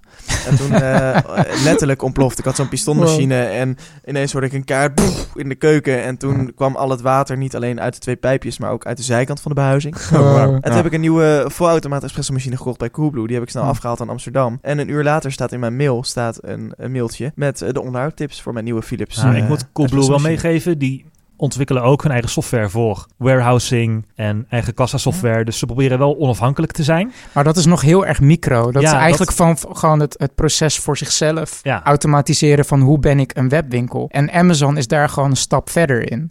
Die is eigenlijk al aan het nadenken hoe kan ik de, de frictieloze laag voor een homo sapiens zijn, wil ik bijna zeggen. En, en niet zozeer een winkel zijn. Dat is eigenlijk een beetje Ik, ik denk dat de, de eerste gedachte die erboven zit is hoe kunnen we zoveel mogelijk mensen verleiden tot transacties doen bij ons. Ja. en niet zozeer we dat zoveel dat, mogelijk ja. geld verdienen. Dat is natuurlijk Ja. altijd de intrinsieke Ja. prikkel. Maar Bij elke transactie Dat zit er ja, een paar een- procent prikkel, voor Amazon bij. Ja. En op het moment dat zij die car, dat ze zijn die webservices bijvoorbeeld begonnen voor zichzelf. Daarna hebben ze het uitgebouwd dat iedere ontwikkelaar die kan zijn app of zijn site of zijn database bij Amazon hosten. Dat gaat ook gebeuren voor cargo. Amazon Azure Amazon gaat die- nee, ja? Azure, S3, Ja. Glacier, Mhm. al die eh, MongoDB, al die Ja. dingen hebben ze. Eh daar draai je best heel veel websites op. ja. Dat is zeg maar... Google it, I shit you not. Ja. Maar dat doen ze nu op het internet, maar dat kan ook best voor cargo gaan gelden. Hm. Of voor bezorgdiensten, of voor je boodschappenkar. Ja. Alleen ik zie daarin een heel erg googly iets met automatisering. En ik wil dan nog weten, als we dan toch overgeleverd zijn als we dat concluderen aan, Mhm, die, mhm. aan die leven as a service. Wie Ja. wordt dan de Apple van leven as a Leven service? as a service, dat Ja. is precies Maar wie wordt dan de. Apple? Dat is de vraag. Apple. ja, ja, ja. Hebben, Dat- hebben, we- hebben we hier lang genoeg over ge- geluld nu, denk ik? Ja, want volgens mij zijn we een beetje in, in, in cirkels aan het praten. Maar ik vond het wel interessant om het even over te hebben. Nu, nu, nu ziet dat ze toch een beetje die, die Nederlandse consumenten heel licht een beetje aan Nou het ja, lanceren zijn. we zeg staan, we staan om, wel eh, op een ja. soort van keerpunt. Ik denk dat Ja. jullie daar... eh, ik vind het leuk dat jullie dat hier op tafel Ja. eh, neerleggen. Dat we qua retail, commercie en onze consumptiemaatschappij... op een soort van keerpunt zitten. eh, Mhm. Van hoe wij als consumenten omgaan met winkels en winkels Ja. met ons. Mhm. Nou ja, ik hoor net dat we eh, nu ongeveer een uur bezig zijn. En met het risico dat we misschien nog drie uur doorgaan, hadden wij nog een laatste onderwerp waar we het misschien wel eens over zouden willen hebben. En dat is, eh, we- nee, we willen al een tijdje, eh, we gaan binnenkort gaan we beginnen met een beetje specials opnemen. We hebben ooit een special opgenomen over de Fermi Paradox. En dat is een van onze ja. eh, afleveringen waar we het, meest trots op zijn. Die we heel leuk vonden om te doen ook. Dus met het idee spelen we eigenlijk eh, al een poosje. David, niet zo? David niet zo. Nou ja, ik, ben, ik ben wel trots op meerdere afleveringen. hoor. Ik vond de Fermi ja. Paradox vond ik heel leuk. Ja. Maar er zijn Check ook meerdere show Ik zeg toch die aflevering wil luisteren. Want we zetten Maar de. Fer- Fermi Paradox was wel een van de weinige afleveringen waarbij we van tevoren echt zoiets hadden. We gaan gewoon over een bepaald onderwerp hebben, Ja. zeg maar. Dus dat, En dat, hebben jullie wel- nu ook bedacht. Nou ja, dat, Ja. Met, met een voetnoot. Kijk, waar we, het, we, we hadden een onderwerp, daar willen we het heel graag over hebben. En normaal gesproken bij een, een special, dan lees je zeg maar een hele week in. Dat is nu eh het proces iets korter geweest. Ja. Maar eh, wat, wat een heel interessant iets is, en dan kijk ik David ook even aan, want Mhm. David heeft mij daar meer op gewezen. En dat is het fenomeen entropy. En entropy, dat is eigenlijk, hebben jullie wel eens van gehoord? Nee, het zegt mij Ik ken het als je paswoord moet voldoende entropy hebben eigenlijk. Ehm, Dat is een hele goede definitie. Hmm. Totaal iets anders. ik ben even... Ik als jij, als denken, jij een Ik hash, ben even aan als het jij een- denken. een hash aanmaakt, Ja, dan moet die op een bepaalde manier random zijn. En Ja. die random getallen moeten op Ja, bepaalde entropy ik, gebaseerd ik, zijn. ik, ik denk dat ik een beetje snap waar maar dan denk ik iets te technisch waarschijnlijk. Nou ja, waar, waar het misschien vandaan komt is dat eh, entropy heeft in heel veel mate te maken met chaos. En eh, waarschijnlijk als je een wachtwoord aanmaakt, moet die dusdanig chaotisch zijn, oftewel niet voorspelbaar, eh, dat die moeilijk te raden is. En misschien dat ze het daarom op Ja. die manier betitelen. Maar wat entropy eigenlijk is, en dat is heel kort door de bocht dat het, ehm, en niet iedereen vindt die definitie even sterk, maar dat het, de, de chaos in het universum eh, In een gesloten systeem. in een gesloten systeem alleen maar kan toenemen en niet kan afnemen. Hm. Je- ja, oké. eh, Eigenlijk entropy is bedacht door, door eh, eh, Ludwig Boltzmann.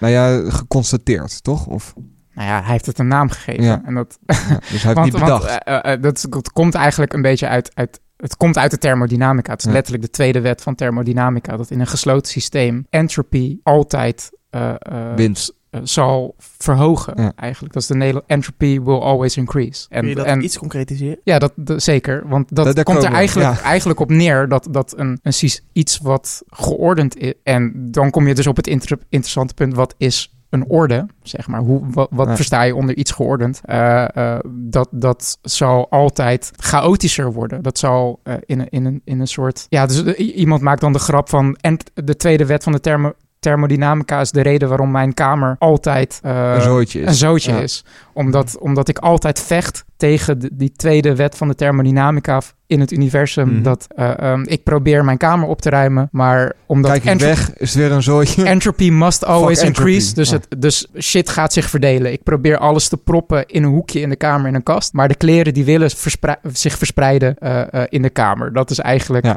een soort van hele boeren basisuitleg van, van die tweede wet van thermodynamica. Wat, maar kun, je, kun je het begrip thermodynamica ook, voor de mensen die Mhm. minder in deze stof zitten, kun Ja. je dat ook toelichten? Ja, het, het is heel moeilijk hoor. Dus goed als je het af en toe even afremt en zegt als iets, iets duidelijk moet hebben. Ja, die wetten van de thermodynamica die zijn eigenlijk bedacht in de tijd dat we met, met eh, motoren zijn gaan uitvinden, als het ware. Oftewel, energie echt gaan verbranden en omzetten in bruikbare energie. Een andere energie. Ja. En daar komen dan de wet van thermodynamica in voort, van hoe beweegt energie zich. Wat En- is energie? Precies. En, en eh, ehm, bijvoorbeeld een brandstof kan je dus, dus bijvoorbeeld zien als die klerenkast, waarin je dus energie hebt verzameld. Eh, dat heeft bijvoorbeeld, dat is op een natuurlijke wijze bijvoorbeeld gebeurd in fossiele brandstoffen. Dat energie is zich, zich, gaan klonteren in het, in het universum. En de tweede wet van thermodynamica die zegt dus, die, die klontering van energie, die wil zich eh, eh, bewegen naar het gemiddelde van het universum, zeg maar. Wat, wat een soort van evenly gelijk verdeeld is. En dus, dus je homogeen en saai, zeg Je maar. pakt dus eigenlijk een begrip uit de thermodynamica. Mhm. de, het proces van energie omzetten in arbeid. Mhm. Mhm. En binnen dat proces ontstaan er een aantal wetmatigheden. Ja. En een van die wetmatigheden is wanorde. Ja. En dit extrapoleer je eigenlijk naar een veel breder perspectief. Namelijk jouw eigen kleerkast. Dus je hebt een proces in je eigen leven. Ja, die, die klerenkast is eigenlijk Ja. een, een hele Ik- ik denk slechte we- ik vergelijking, maar we wel het meest visuele. Eh, je, je had me dat filmpje doorgestuurd. Ik vond dat wel een heel mooi. Tenminste, dat heeft voor mij wel beeldend gemaakt. Die kunnen we in de show notes Eh, ja, zetten. nee, dat, en Ja. ik kan hem ook wel even beschrijven. Dan hebben de luisteraars er gelijk iets aan. Uit, dit, dit gaat ergens naartoe. En, eh, Not eh, seeing it yet, maar ja. het komt ja, precies. Want, Ja. want ik vind het wel grappig dat Sander meteen met, met entropy begint. Want voor mij is Ben ik entropy... weer te snel gegaan. Ja, entropy is soort van halverwege in het boek van het verhaal. Want waar ik denk ik als persoon uiteindelijk Mhm. heel erg geïnteresseerd in ben. En ik denk dat je dat ook gemerkt hebt, Maarten. Wat je in het begin van de podcast zei, dat we in het beg- begin echt begonnen met bepaalde technologische dingen. En dat je dan op een gegeven moment verder gaat naar, naar de wat De bigger bredere, picture. bigger picture. Uiteindelijk is een van mijn liefdes is gewoon over wetenschap lezen en hoe, hoe werkt alles, zeg maar. How does Wat- it work? wat- Ja.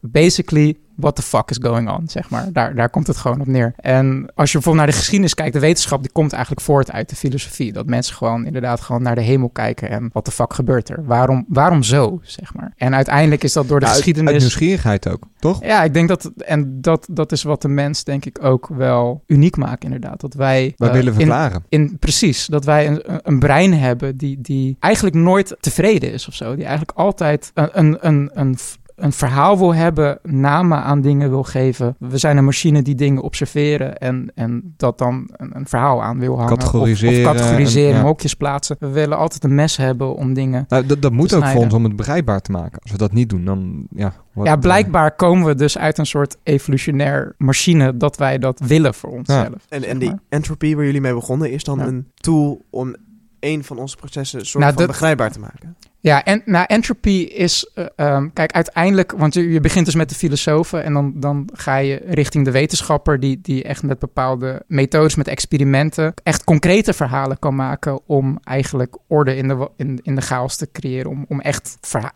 verhalen te creëren die werken, praktisch gezien. Ja. Eh, want dat is dus ook iets wat ik persoonlijk ben gaan realiseren, dat het niet per se waarheden zijn, maar praktische verhalen. Om, dus bijvoorbeeld eigenlijk is dus dat verhaal over entropy, de tweede wet van thermodynamica, eh, eh, in een gesloten systeem, entropy always increases, is dus een, een praktisch verhaal. Want zo, werken de zo werkt de motor in jouw auto letterlijk. Dat je een klomp aan energie, zeg maar, gebruikt door het, door, Ja. het, door het te verspreiden. Waardoor het bereikbaar wordt. Andersom gebeurt het ook gewoon niet. Eh, niet automatisch. Nou goed, dat is eh, even een asterix. Lees daar niet te veel in. Hm. Dus dat is ook gewoon een, een, een, praktisch verhaal. Maar uiteindelijk kom, blijft de mens zich afvragen waarom zo, zeg maar. En wat ik gewoon de laatste tijd gewoon steeds interessanter vind, is als je... Sander, dit komt goed. dit komt ik, goed. Ik, ik denk gewoon termen erin waar ik ook iets van... Maar ik ben helemaal de draad Nee, van dit- dit komt goed. kwijt. dit komt goed.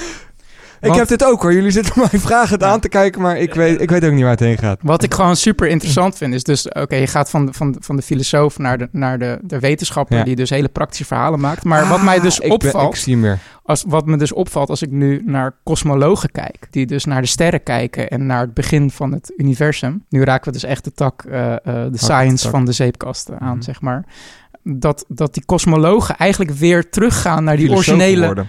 Naar, naar die originele vragen van oké, we komen voort uit een, een universum die dusdanige variabelen en condities heeft dat het mogelijk is om, om, om sterren te vormen, om planeten te vormen waar evolutie ontstaat, waaruit wij eh, eh, eh, voortgaan. Dus dat is een bepaalde Daarbinnen vorm. is entropie een wetmatigheid. Nou, kijk, entropy, dat is dus iets wat ik soort van half begrijp, maar het is een bepaalde clue. Want uiteindelijk zie ik de wetenschapper als een soort detective die, die naar sporen zoekt, die, die, die zoekt naar eh, de vingerafdrukken eh, en, en het glas wat is omgevallen en, en de voetstappen in het zand, om te zien van wie is de dader. En als je dat dan Who naar de done it? Precies, en als je dan naar de kosmoloog kijkt, die probeert dus uit te zoeken hoe is het zo gekomen dat het universum zo is gestart met deze condities dat, dat wij hier nu zijn, zeg maar. Waarom zo, zeg maar. Dus we kunnen binnen dat systeem kunnen we al vrij goed voorspellingen doen, bijvoorbeeld dat er een bepaalde meteoriet, meteoriet langs de aarde komt of eh, klimaat kunnen we eh, redelijk voorspellen, kunnen we eh, voorspellingen over doen, het weer, noem het maar op. Maar het verklaart nog niet waarom zo, zeg maar. En dat entropy-verhaal, wat, wat Sander in het begin erin gooit, gooide, is voor mij een, een vingerafdruk waar de wetenschappers nu mee bezig zijn, zeg maar. Wat uiteindelijk een clue zou kunnen zijn. Hoe het, zou, hoe het is gebeurd dat How er nu everything came to be eigenlijk. dat er nu bijvoorbeeld sterren zijn die dus tegen die entropy vechten. Want eh, eh, door Tegen die wanorde. tegen die wanorde. Eh, want uiteindelijk is de, de uiteindelijke voorspelling dat, dat alle sterren in het, in het universum het gaan verliezen aan entropy. En dat je dus uiteindelijk, uiteindelijk eindigt met een lege, koude universum die volle- in volledige balans is, zeg maar. Dat, het, dat de energie dusdanig verspreid, is. verspreid is dat het niet meer bruikbaar is. Dus eigenlijk vanuit het idee dat eh, het universum een soort van enorm uitvergroten of op enorme schaal energieoverdracht is. Helemaal correct. Ja. ja, ja. Dus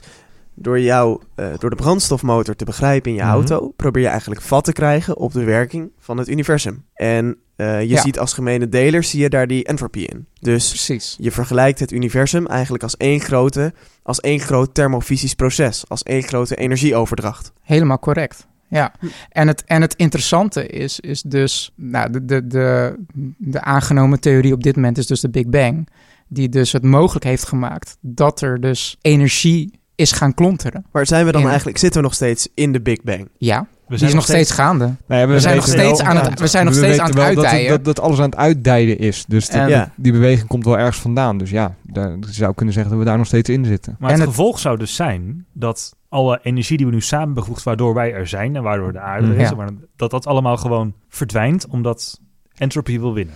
Nou, niet, Ja. niet verdwijnt, hè, maar evenly spread. Dus gelijkmatig verdeeld. Elke actie die jij doet, dus Mhm. jij eh, neemt een slok van je glas, daarbij verbrand je eh, eh, nou ja, eh, eten, zeg maar. Dus daar heb je brandstof voor nodig. Maar je geeft ook weer iets af aan de wereld, want eh, nou ja, je huid is warm. En, dus jij bent ook een van die motortjes die constant bezig is om energie om te zetten in andere energie. Precies. Maar dan ga je er dus wel van uit dat Mhm. het thermofysisch proces van het universum uiteindelijk stopt. Want Dat, dat is op dit moment de, de, een van de, de voorspellingen door wat we, door wat we observeren. Want zolang er een thermofysisch Mhm. proces is binnen Mhm. het universum, zal er entropy zijn. Ja. Zal er wanorde Ja. zijn. ja, ja. En als er niet is, is er ook niks meer. Hè? Want dan heb je, ja, die, je hebt ook geen tijd meer. Er, er Ja. kan niks meer gebeuren binnen een, eh, een, een omgeving waar geen energie meer, hoe zeg je, ja, er is wel energie, maar geen energie meer omgezet geen, kan worden geen, in geen bruikbare geen energie. bruikbare energie Want meer eigenlijk wat, wat, eh, wat nog een betere vergelijking is van entropy, is je, mo- je moet een verschil hebben. Je moet van een bepaalde Ja. orde van een systeem, moet je naar een bepaald eh, eh, egaal systeem kunnen gaan. Dus je kan niet, als je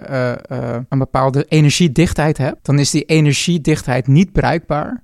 Dus het gaat niet per se hoe, hoe dicht de energie op elkaar zit, maar als in de omgeving die Mhm. energie dezelfde dichtheid heeft, Dan kun je er niks mee. dan, dan kun je er niks Als mee. Omdat Dan entropy hetzelfde. omdat je dan eigenlijk maximum, dat noemen ze dan maximum entropy je- hebt bereikt. Als jij een raket afschiet, eh, dan gaat die raket omhoog, omdat uit de onderkant van die raket komen moleculen eh, met een bepaalde eh, hitte. Eh, die dichter is dan de omgeving daaromheen. Ja. Daarom gaat hij omhoog. Als je een raket afschiet in een omgeving van, waarbinnen de In een lucht explosie. ja, even warm is als eh, wat Ja. uit die raket komt, dan gebeurt er niks met je raket. En is je energie dus onbruikbaar. Ja. Ja, ja. Als je dus in een omgeving zit waarin alle energie evenly spread is, eh, wat volgens entropy eh, over eh 100 miljoen miljard duizend triljoen jaar zo Ja. gaat zijn, Ja.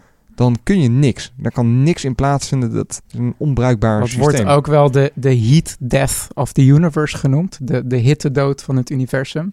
Dat eigenlijk dat, dat, dat het, dat wat, wat het is- universum zo homogeen is... Ja. dat het eh, eigenlijk waar we het constant over hebben... is dat een bepaalde configuratie van energie speciaal is. Zeg maar, dat, je- dat je het kan onderscheiden van de rest. En Daar, daar heb je een heel leuk of heel goed filmpje over van Koert Gezacht over de Heat Death of the Universe. Is misschien Ja. nog leuk om in de, in de show notes op te nemen. Dat is best wel. z- zij maken altijd wel aardige, eh, best wel interessante filmpjes. Ja, precies. Maar we zitten nog steeds op een bepaald level van wat wij observeren. En wat ik eigenlijk wat de aanleiding is voor dit onderwerp, is een, een boek die niet zo lang geleden is uitgekomen van Carlo Rovelli. Eh, dat boek heet Order of Time. En ehm, Woordspeling. Ja, dat is zeker een woordspeling. En eh, Carlo Rovelli, die is ook. Het die heeft mysterie van natuurlijk- tijd in het Nederlands. Ah, mysterie van tijd. Ik vind de Engelse vertaling vind ik veel mooier, eerlijk Ja. gezegd. Order of Time. Ja. En ik kan Het misschien wel impliceert dat uitleggen er waarom. orde is eh, in plaats Ja. van chaos. Precies, want en hij is ook bekend van het boek Seven Brief Lessons on Physics. Uh, maar Order, Order of Time is dit jaar uitgekomen, als ik me niet vergis. En, en Carlo Rovelli is een wetenschapper die heel eigenlijk... is trouwens ook, om je even in de reden, zeven Ja. korte beschouwingen over natuurkunde in het Nederlands Ah, beschikbaar. Dank je. nice. Dankjewel. ja. ja. Hij staat volgens mij aan de frontlinie, wat ik net beschreef, van, van wetenschappers die dus eigenlijk op het punt komen van... oké, we, we kunnen bruikbare verhalen maken, maar zij, gaan, zij proberen... Zij worden weer filosofen eigenlijk. Zij proberen eigenlijk het ultieme verhaal te bedenken van waarom zo? Waarom dit universum? Eh, snap je Ja. wat ik bedoel? En, en, en ik heb het boek nog niet uit. Maar een van de clues die hij dus noemt is eh, entropy. En entropy heeft hele interessante implicaties. Ehm, want waar we het de hele tijd over hebben, is, is dus eh, eh, mogelijke configuraties van, laat ik voor het gemak zeggen, even moleculen. Dat kan je dan voorstellen als, als ballen. Ja. Als je eh, bijvoorbeeld. ehm, Een enorme bak met moleculen hebt. En daarbinnen heeft iedere molecuul een positie. En die verander je constant. Dan is het risico dat alle moleculen heel netjes geordend zijn. Vele malen kleiner dan alle configuraties die mogelijk zijn dat het een chaos is. Dat is ja, inderdaad. Een, Ja. een- een- zie je een ballenbak voor je, dan eh, met, met eh, rode en blauwe ballen. Dan zijn er ontzettend veel configuraties te bedenken. Ja. Waar, wat voor ons oog eigenlijk als random eruit ziet van rode, blauwe ballen. Er is maar één configuratie mogelijk waarin alle rode ballen links staan en alle blauwe ballen rechts. Dan Als is je er dat, evenwicht. dan is er, dan is er eh, een, een, een, een lage vorm van entropy eigenlijk. Dus er is een orde die speciaal is. Ja, ten dus opzichte- Orde versus wanorde. Ja, Dat is Precies, ten opzichte van al die andere configuraties. En eigenlijk wat die tweede wet van thermodynamica zegt, wat dus nu een hele interessante clue is voor een wetenschapper als Carlo Rovelli, is dat omdat, omdat eh, er meerdere configuraties zijn van, van, van die mix ten Mhm. opzichte van die twee scheidingen, hebben we het eigenlijk alleen over kans. Eigenlijk de kans is gewoon vele maten groter dat het verspreidt. En dat is eigenlijk het gevolg waarom het altijd die kant op gaat. De kans dat het van chaos naar die scheiding gaat tussen rode en blauwe ballen links en rechts is zo miniem klein, maar niet onmogelijk. Eh, Maar omdat het zo miniem klein is, zien we eigenlijk altijd dat bijvoorbeeld als je een warm water in een glas met koud water giet, dat het meteen een, een vorm aanneemt dat alle eh, warme en koude moleculen, lastige vergelijking, Ja. maar even v- voor nu. Om, om het beeldend te maken. Precies, dat, het, dat het één homogeen geheel wordt. En niet dat het dezelfde warme, temperatuur wordt. Ja. dat het niet bovenin warme moleculen zijn en onderin koude eh, eh, moleculen. Nee. Ehm, dat is weer die wetmatigheid die erin zit. Dat er altijd een soort wanorde ontstaat. Precies. En dan kom je eigenlijk op een bepaalde. Nee, altijd, Ja. bijna altijd. Bijna altijd. Ja. En dan ga je eigenlijk richting de titel van het boek Order of Time. Dat er dus een bepaalde volgorde in zit. die eigenlijk puur op kans gebaseerd is. En dan kom je dus eigenlijk op het punt dat het, dat het puur kans gebaseerd is dat we de toekomst ingaan. En niet andersom. Dat, eh, dat een dat een appel altijd van de boom valt en niet van de grond naar de boom toe gaat en eraan groeit, zeg maar. Dus oftewel, het feit dat we in een universum leven die van het verleden naar de toekomst gaat, zeg maar, en een, een bepaalde sequentie hebt dat je geboren wordt, dertig wordt, oud wordt en sterft, dat het allemaal te maken eh, te waarschijnlijk een clue is dat het te maken een link heeft met hoe hitte zich beweegt van een, een orde naar een chaos. Hoe hitte en hoe energie zich beweegt. Precies. Wat natuurlijk een Ja, ja. bredere gemene deler is. Ja, en ik, ik merk dat me dat op dit moment best wel eh, fascineert, omdat je dan ook weer richting dat die, die achterliggende matrix level komt van, van ehm, But what does it all mean? ja, maar hoe, hoe is het universum zoals het is? Eh, eh, als je begrijpt wat ik bedoel.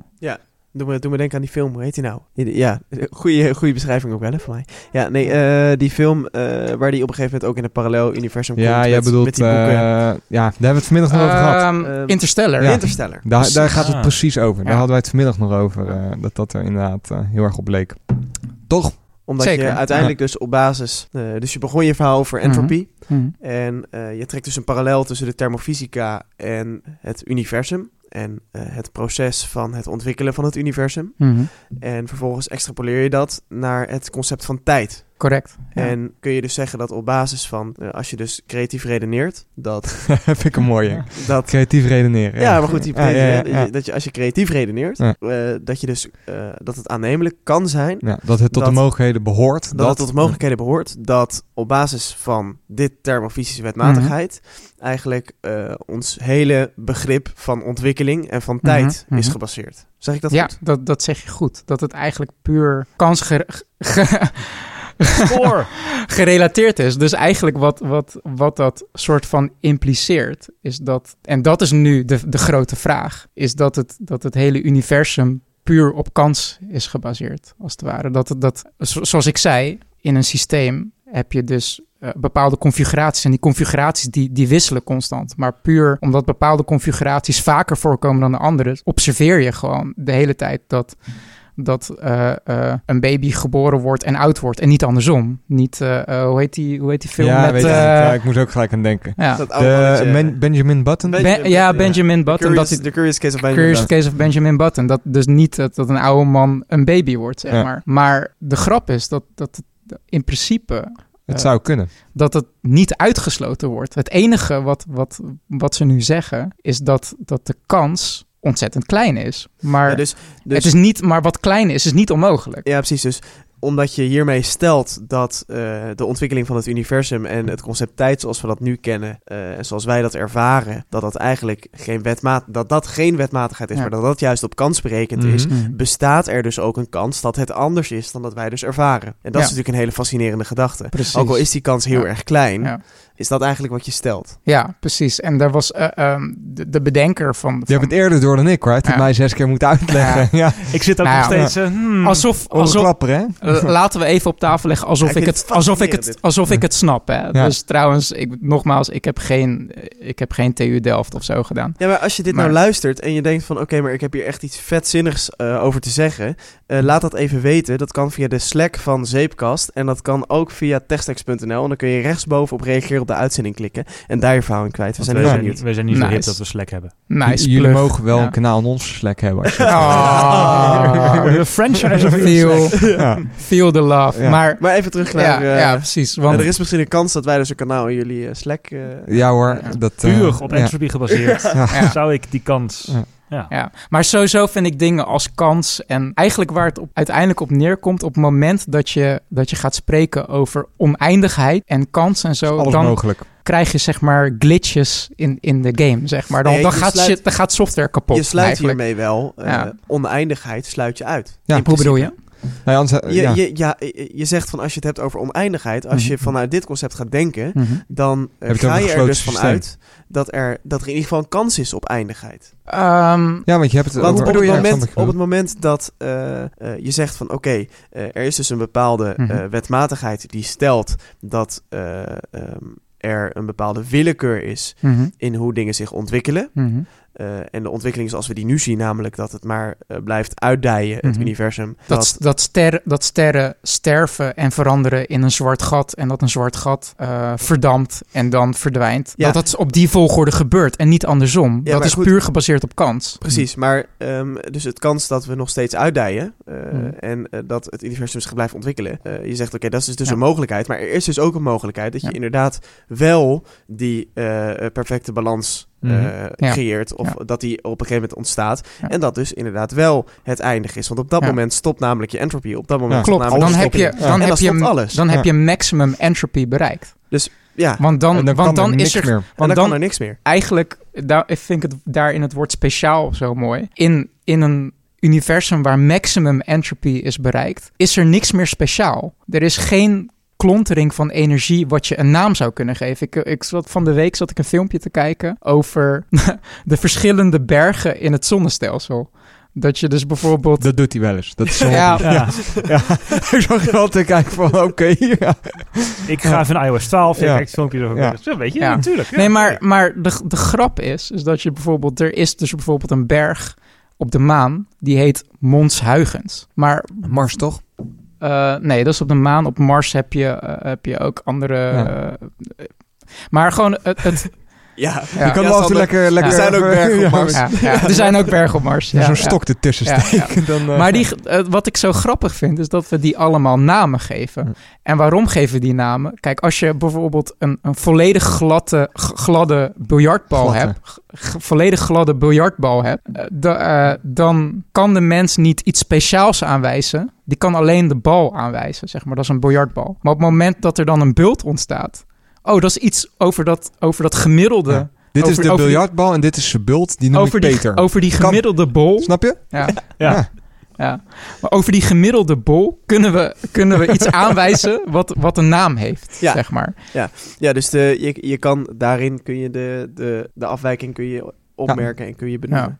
Ja, precies. En dat is dus het speciale. En als we dus naar, naar, het he- naar de hemel kijken, dan zien we een ster, die noemen we Alpha Centauri. Omdat daar een klontering van energie is, wat de mens kan onderscheiden van het gemiddelde eromheen. En, eh, Maar zou je, zou je op het moment dat volledige entropie bereikt is, zou je dan ook niet A en B kunnen onderscheiden? In het, in het Ehm. perfecte evenwicht? Er is evenwicht tussen twee dingen. Of ik iets mm, geks mm, dan? Ik probeer... nee, eh, er, er is dus geen evenwicht tussen... Nee, er is, er is één homogene massa ontstaan. Ja, dus je zou, ja, die, nee, je zou dan die homogene Ja. massa dus kunnen benoemen. Maar ja, de- het, het koude, lege universum Ja. kunnen noemen. Maar daarbinnen... Ja. is niks Ja. meer. Ja. Ja, dan is alles A. Alles is A En altijd. er ja. is niks speciaals genoeg wat je kan aanwijzen als B. Ja.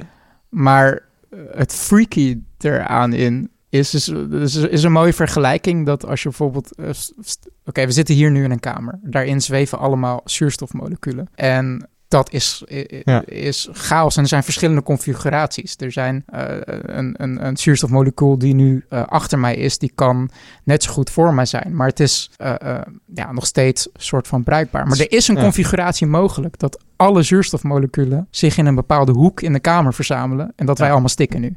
Alleen... Alleen... we weten in welke hoek ze zitten. Ja, precies. Ja, ja, ja. Zo'n praktische jongen hè, die.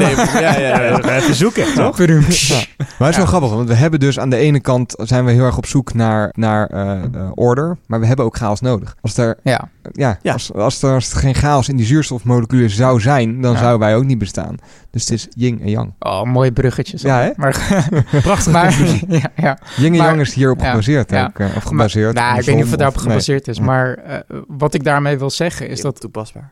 als je, als je lang genoeg wacht, dan puur omdat er dus niet uitgesloten wordt dat een bepaalde configuratie, als een configuratie mogelijk is, Anything dan zal die een keer- happen, will happen. dan zal Ja. die een keer voorkomen. Dus we gaan een keer die man meemaken die baby wordt. Ehm, We gaan, als, je, een keer, als, jij, we gaan een keer die appel, die, we gaan een keer dat glas water wat zichzelf... als, je, als je langer kan wachten, dan. Als je dan, oneindig de tijd hebt. Als je Ja. oneindig. de- Ja. En daar komt dus het punt. Nee, als dat je, heb je niet. Ja. want er Precies. gaat op een gegeven moment een configuratie ontstaan dat. Precies. Mag ik jullie bedanken voor dit fascinerende onderwerp? is leuk, hè? om dit mee te nemen naar eh, het TechStack Zomerdiner. Ja. Want ik vind, het, ik vind dit echt een, een zeepkast waardig onderwerp. En ik vond het tof jullie aan tafel te hebben om eh, jullie ideeën te horen over eh, nou, de, de marketing, ons, eh, ons gedrag en uiteindelijk eh, ons universum. Ja, hè? Dat we, we hadden misschien andersom moeten doen. Of eh, nu, nu wordt het van heel klein naar steeds groter, zeg Ja. maar. Nee, ik denk dat dit Ja. een goede configuratie ja, was. hè? Mooie configuratie, ja. Maar Order of Time van eh, Carlo Rovelli, het is echt... eh, We nemen een lijstje op met de boekentips die gegeven zijn Ja. tijdens de podcast. Eh, ik wil jullie ontzettend bedanken eh, voor het luisteren. Ehm, Nou ja, ik wil jullie ontzettend bedanken voor, ont- voor de uitnodiging. Ik vond het ontzettend leuk. Ik eh, heb altijd heel veel respect voor hoe jullie podcast doen. En hoe jullie tegelijk begonnen zijn, maar in veel dingen de tegenpol van wat, wij- wat wij zijn. Eh, order versus chaos, zeg maar. Dus ik, eh, nee, ik vond het heel leuk om hier een keer aan tafel te zitten. Eigenlijk is het voor alle TechSnacks Soberdiners wel opgegaan. Dat wij toch als TechSnacks een soort van de order in de chaos van de tech-podcast zien zijn of zo. Nou ja, ik, ik, ik denk wel dat jullie een van eh, de podcasts zijn die ik ken, of de podcast hosts zijn, zo moet ik het zeggen, die hun podcast ontzettend goed voorbereiden. En dat zag je ook op eh, het festival waar wij elkaar voor het eerst ontmoet hebben. Jullie kwamen echt met quizjes aan, jullie hadden van alles voorbereid. En dat vond ik echt, eh, ja, ik, eh, ik heb er heel veel respect voor. Dus ik vond Ja. het heel leuk om daar een keer bij, eh, bij te zitten. Ik maar ja, denk, de tweede wet van thermodynamica, die zegt dat dat op een gegeven moment toch chaos wordt, die Ja. documentjes. Ja. Dus, ja, dat was ongeveer het moment dat we jullie uitnodigden. ja, hè? en daarmee wil ik deze podcast afsluiten. Ik wil ontzettend bedanken onze ehm, sponsor Nodels uit Eindhoven. Die gasten doen hele gave dingen met weboptimalisatie en kunnen jouw webshop omtoveren tot eh, je nieuwe goudmijntje. Eh, je kan reageren op de uitzending door www.techstacks.nl te gaan. Eh, abonneer je ook op de Zeepkast, waar deze twee jongens eh, veel tijd en energie in steken als ze er zin in hebben. En, Als de eh, order van de chaos be- bepaalt dat er een uitzending komt. Ja, precies. het, is het Ja. is altijd een gevecht tegen de entropy van, Ja. van het universum. En dit Ja. was eh, de laatste aflevering eh, van deze reeks TechSnacks Zomerdiners. Ehm, eh, wij hopen dat jullie ontzettend genoten hebben. En binnenkort zijn we er weer met een reguliere aflevering van de TechSnacks podcast. Met vier onderwerpen in 40 minuten. Bedankt voor het luisteren en tot ziens.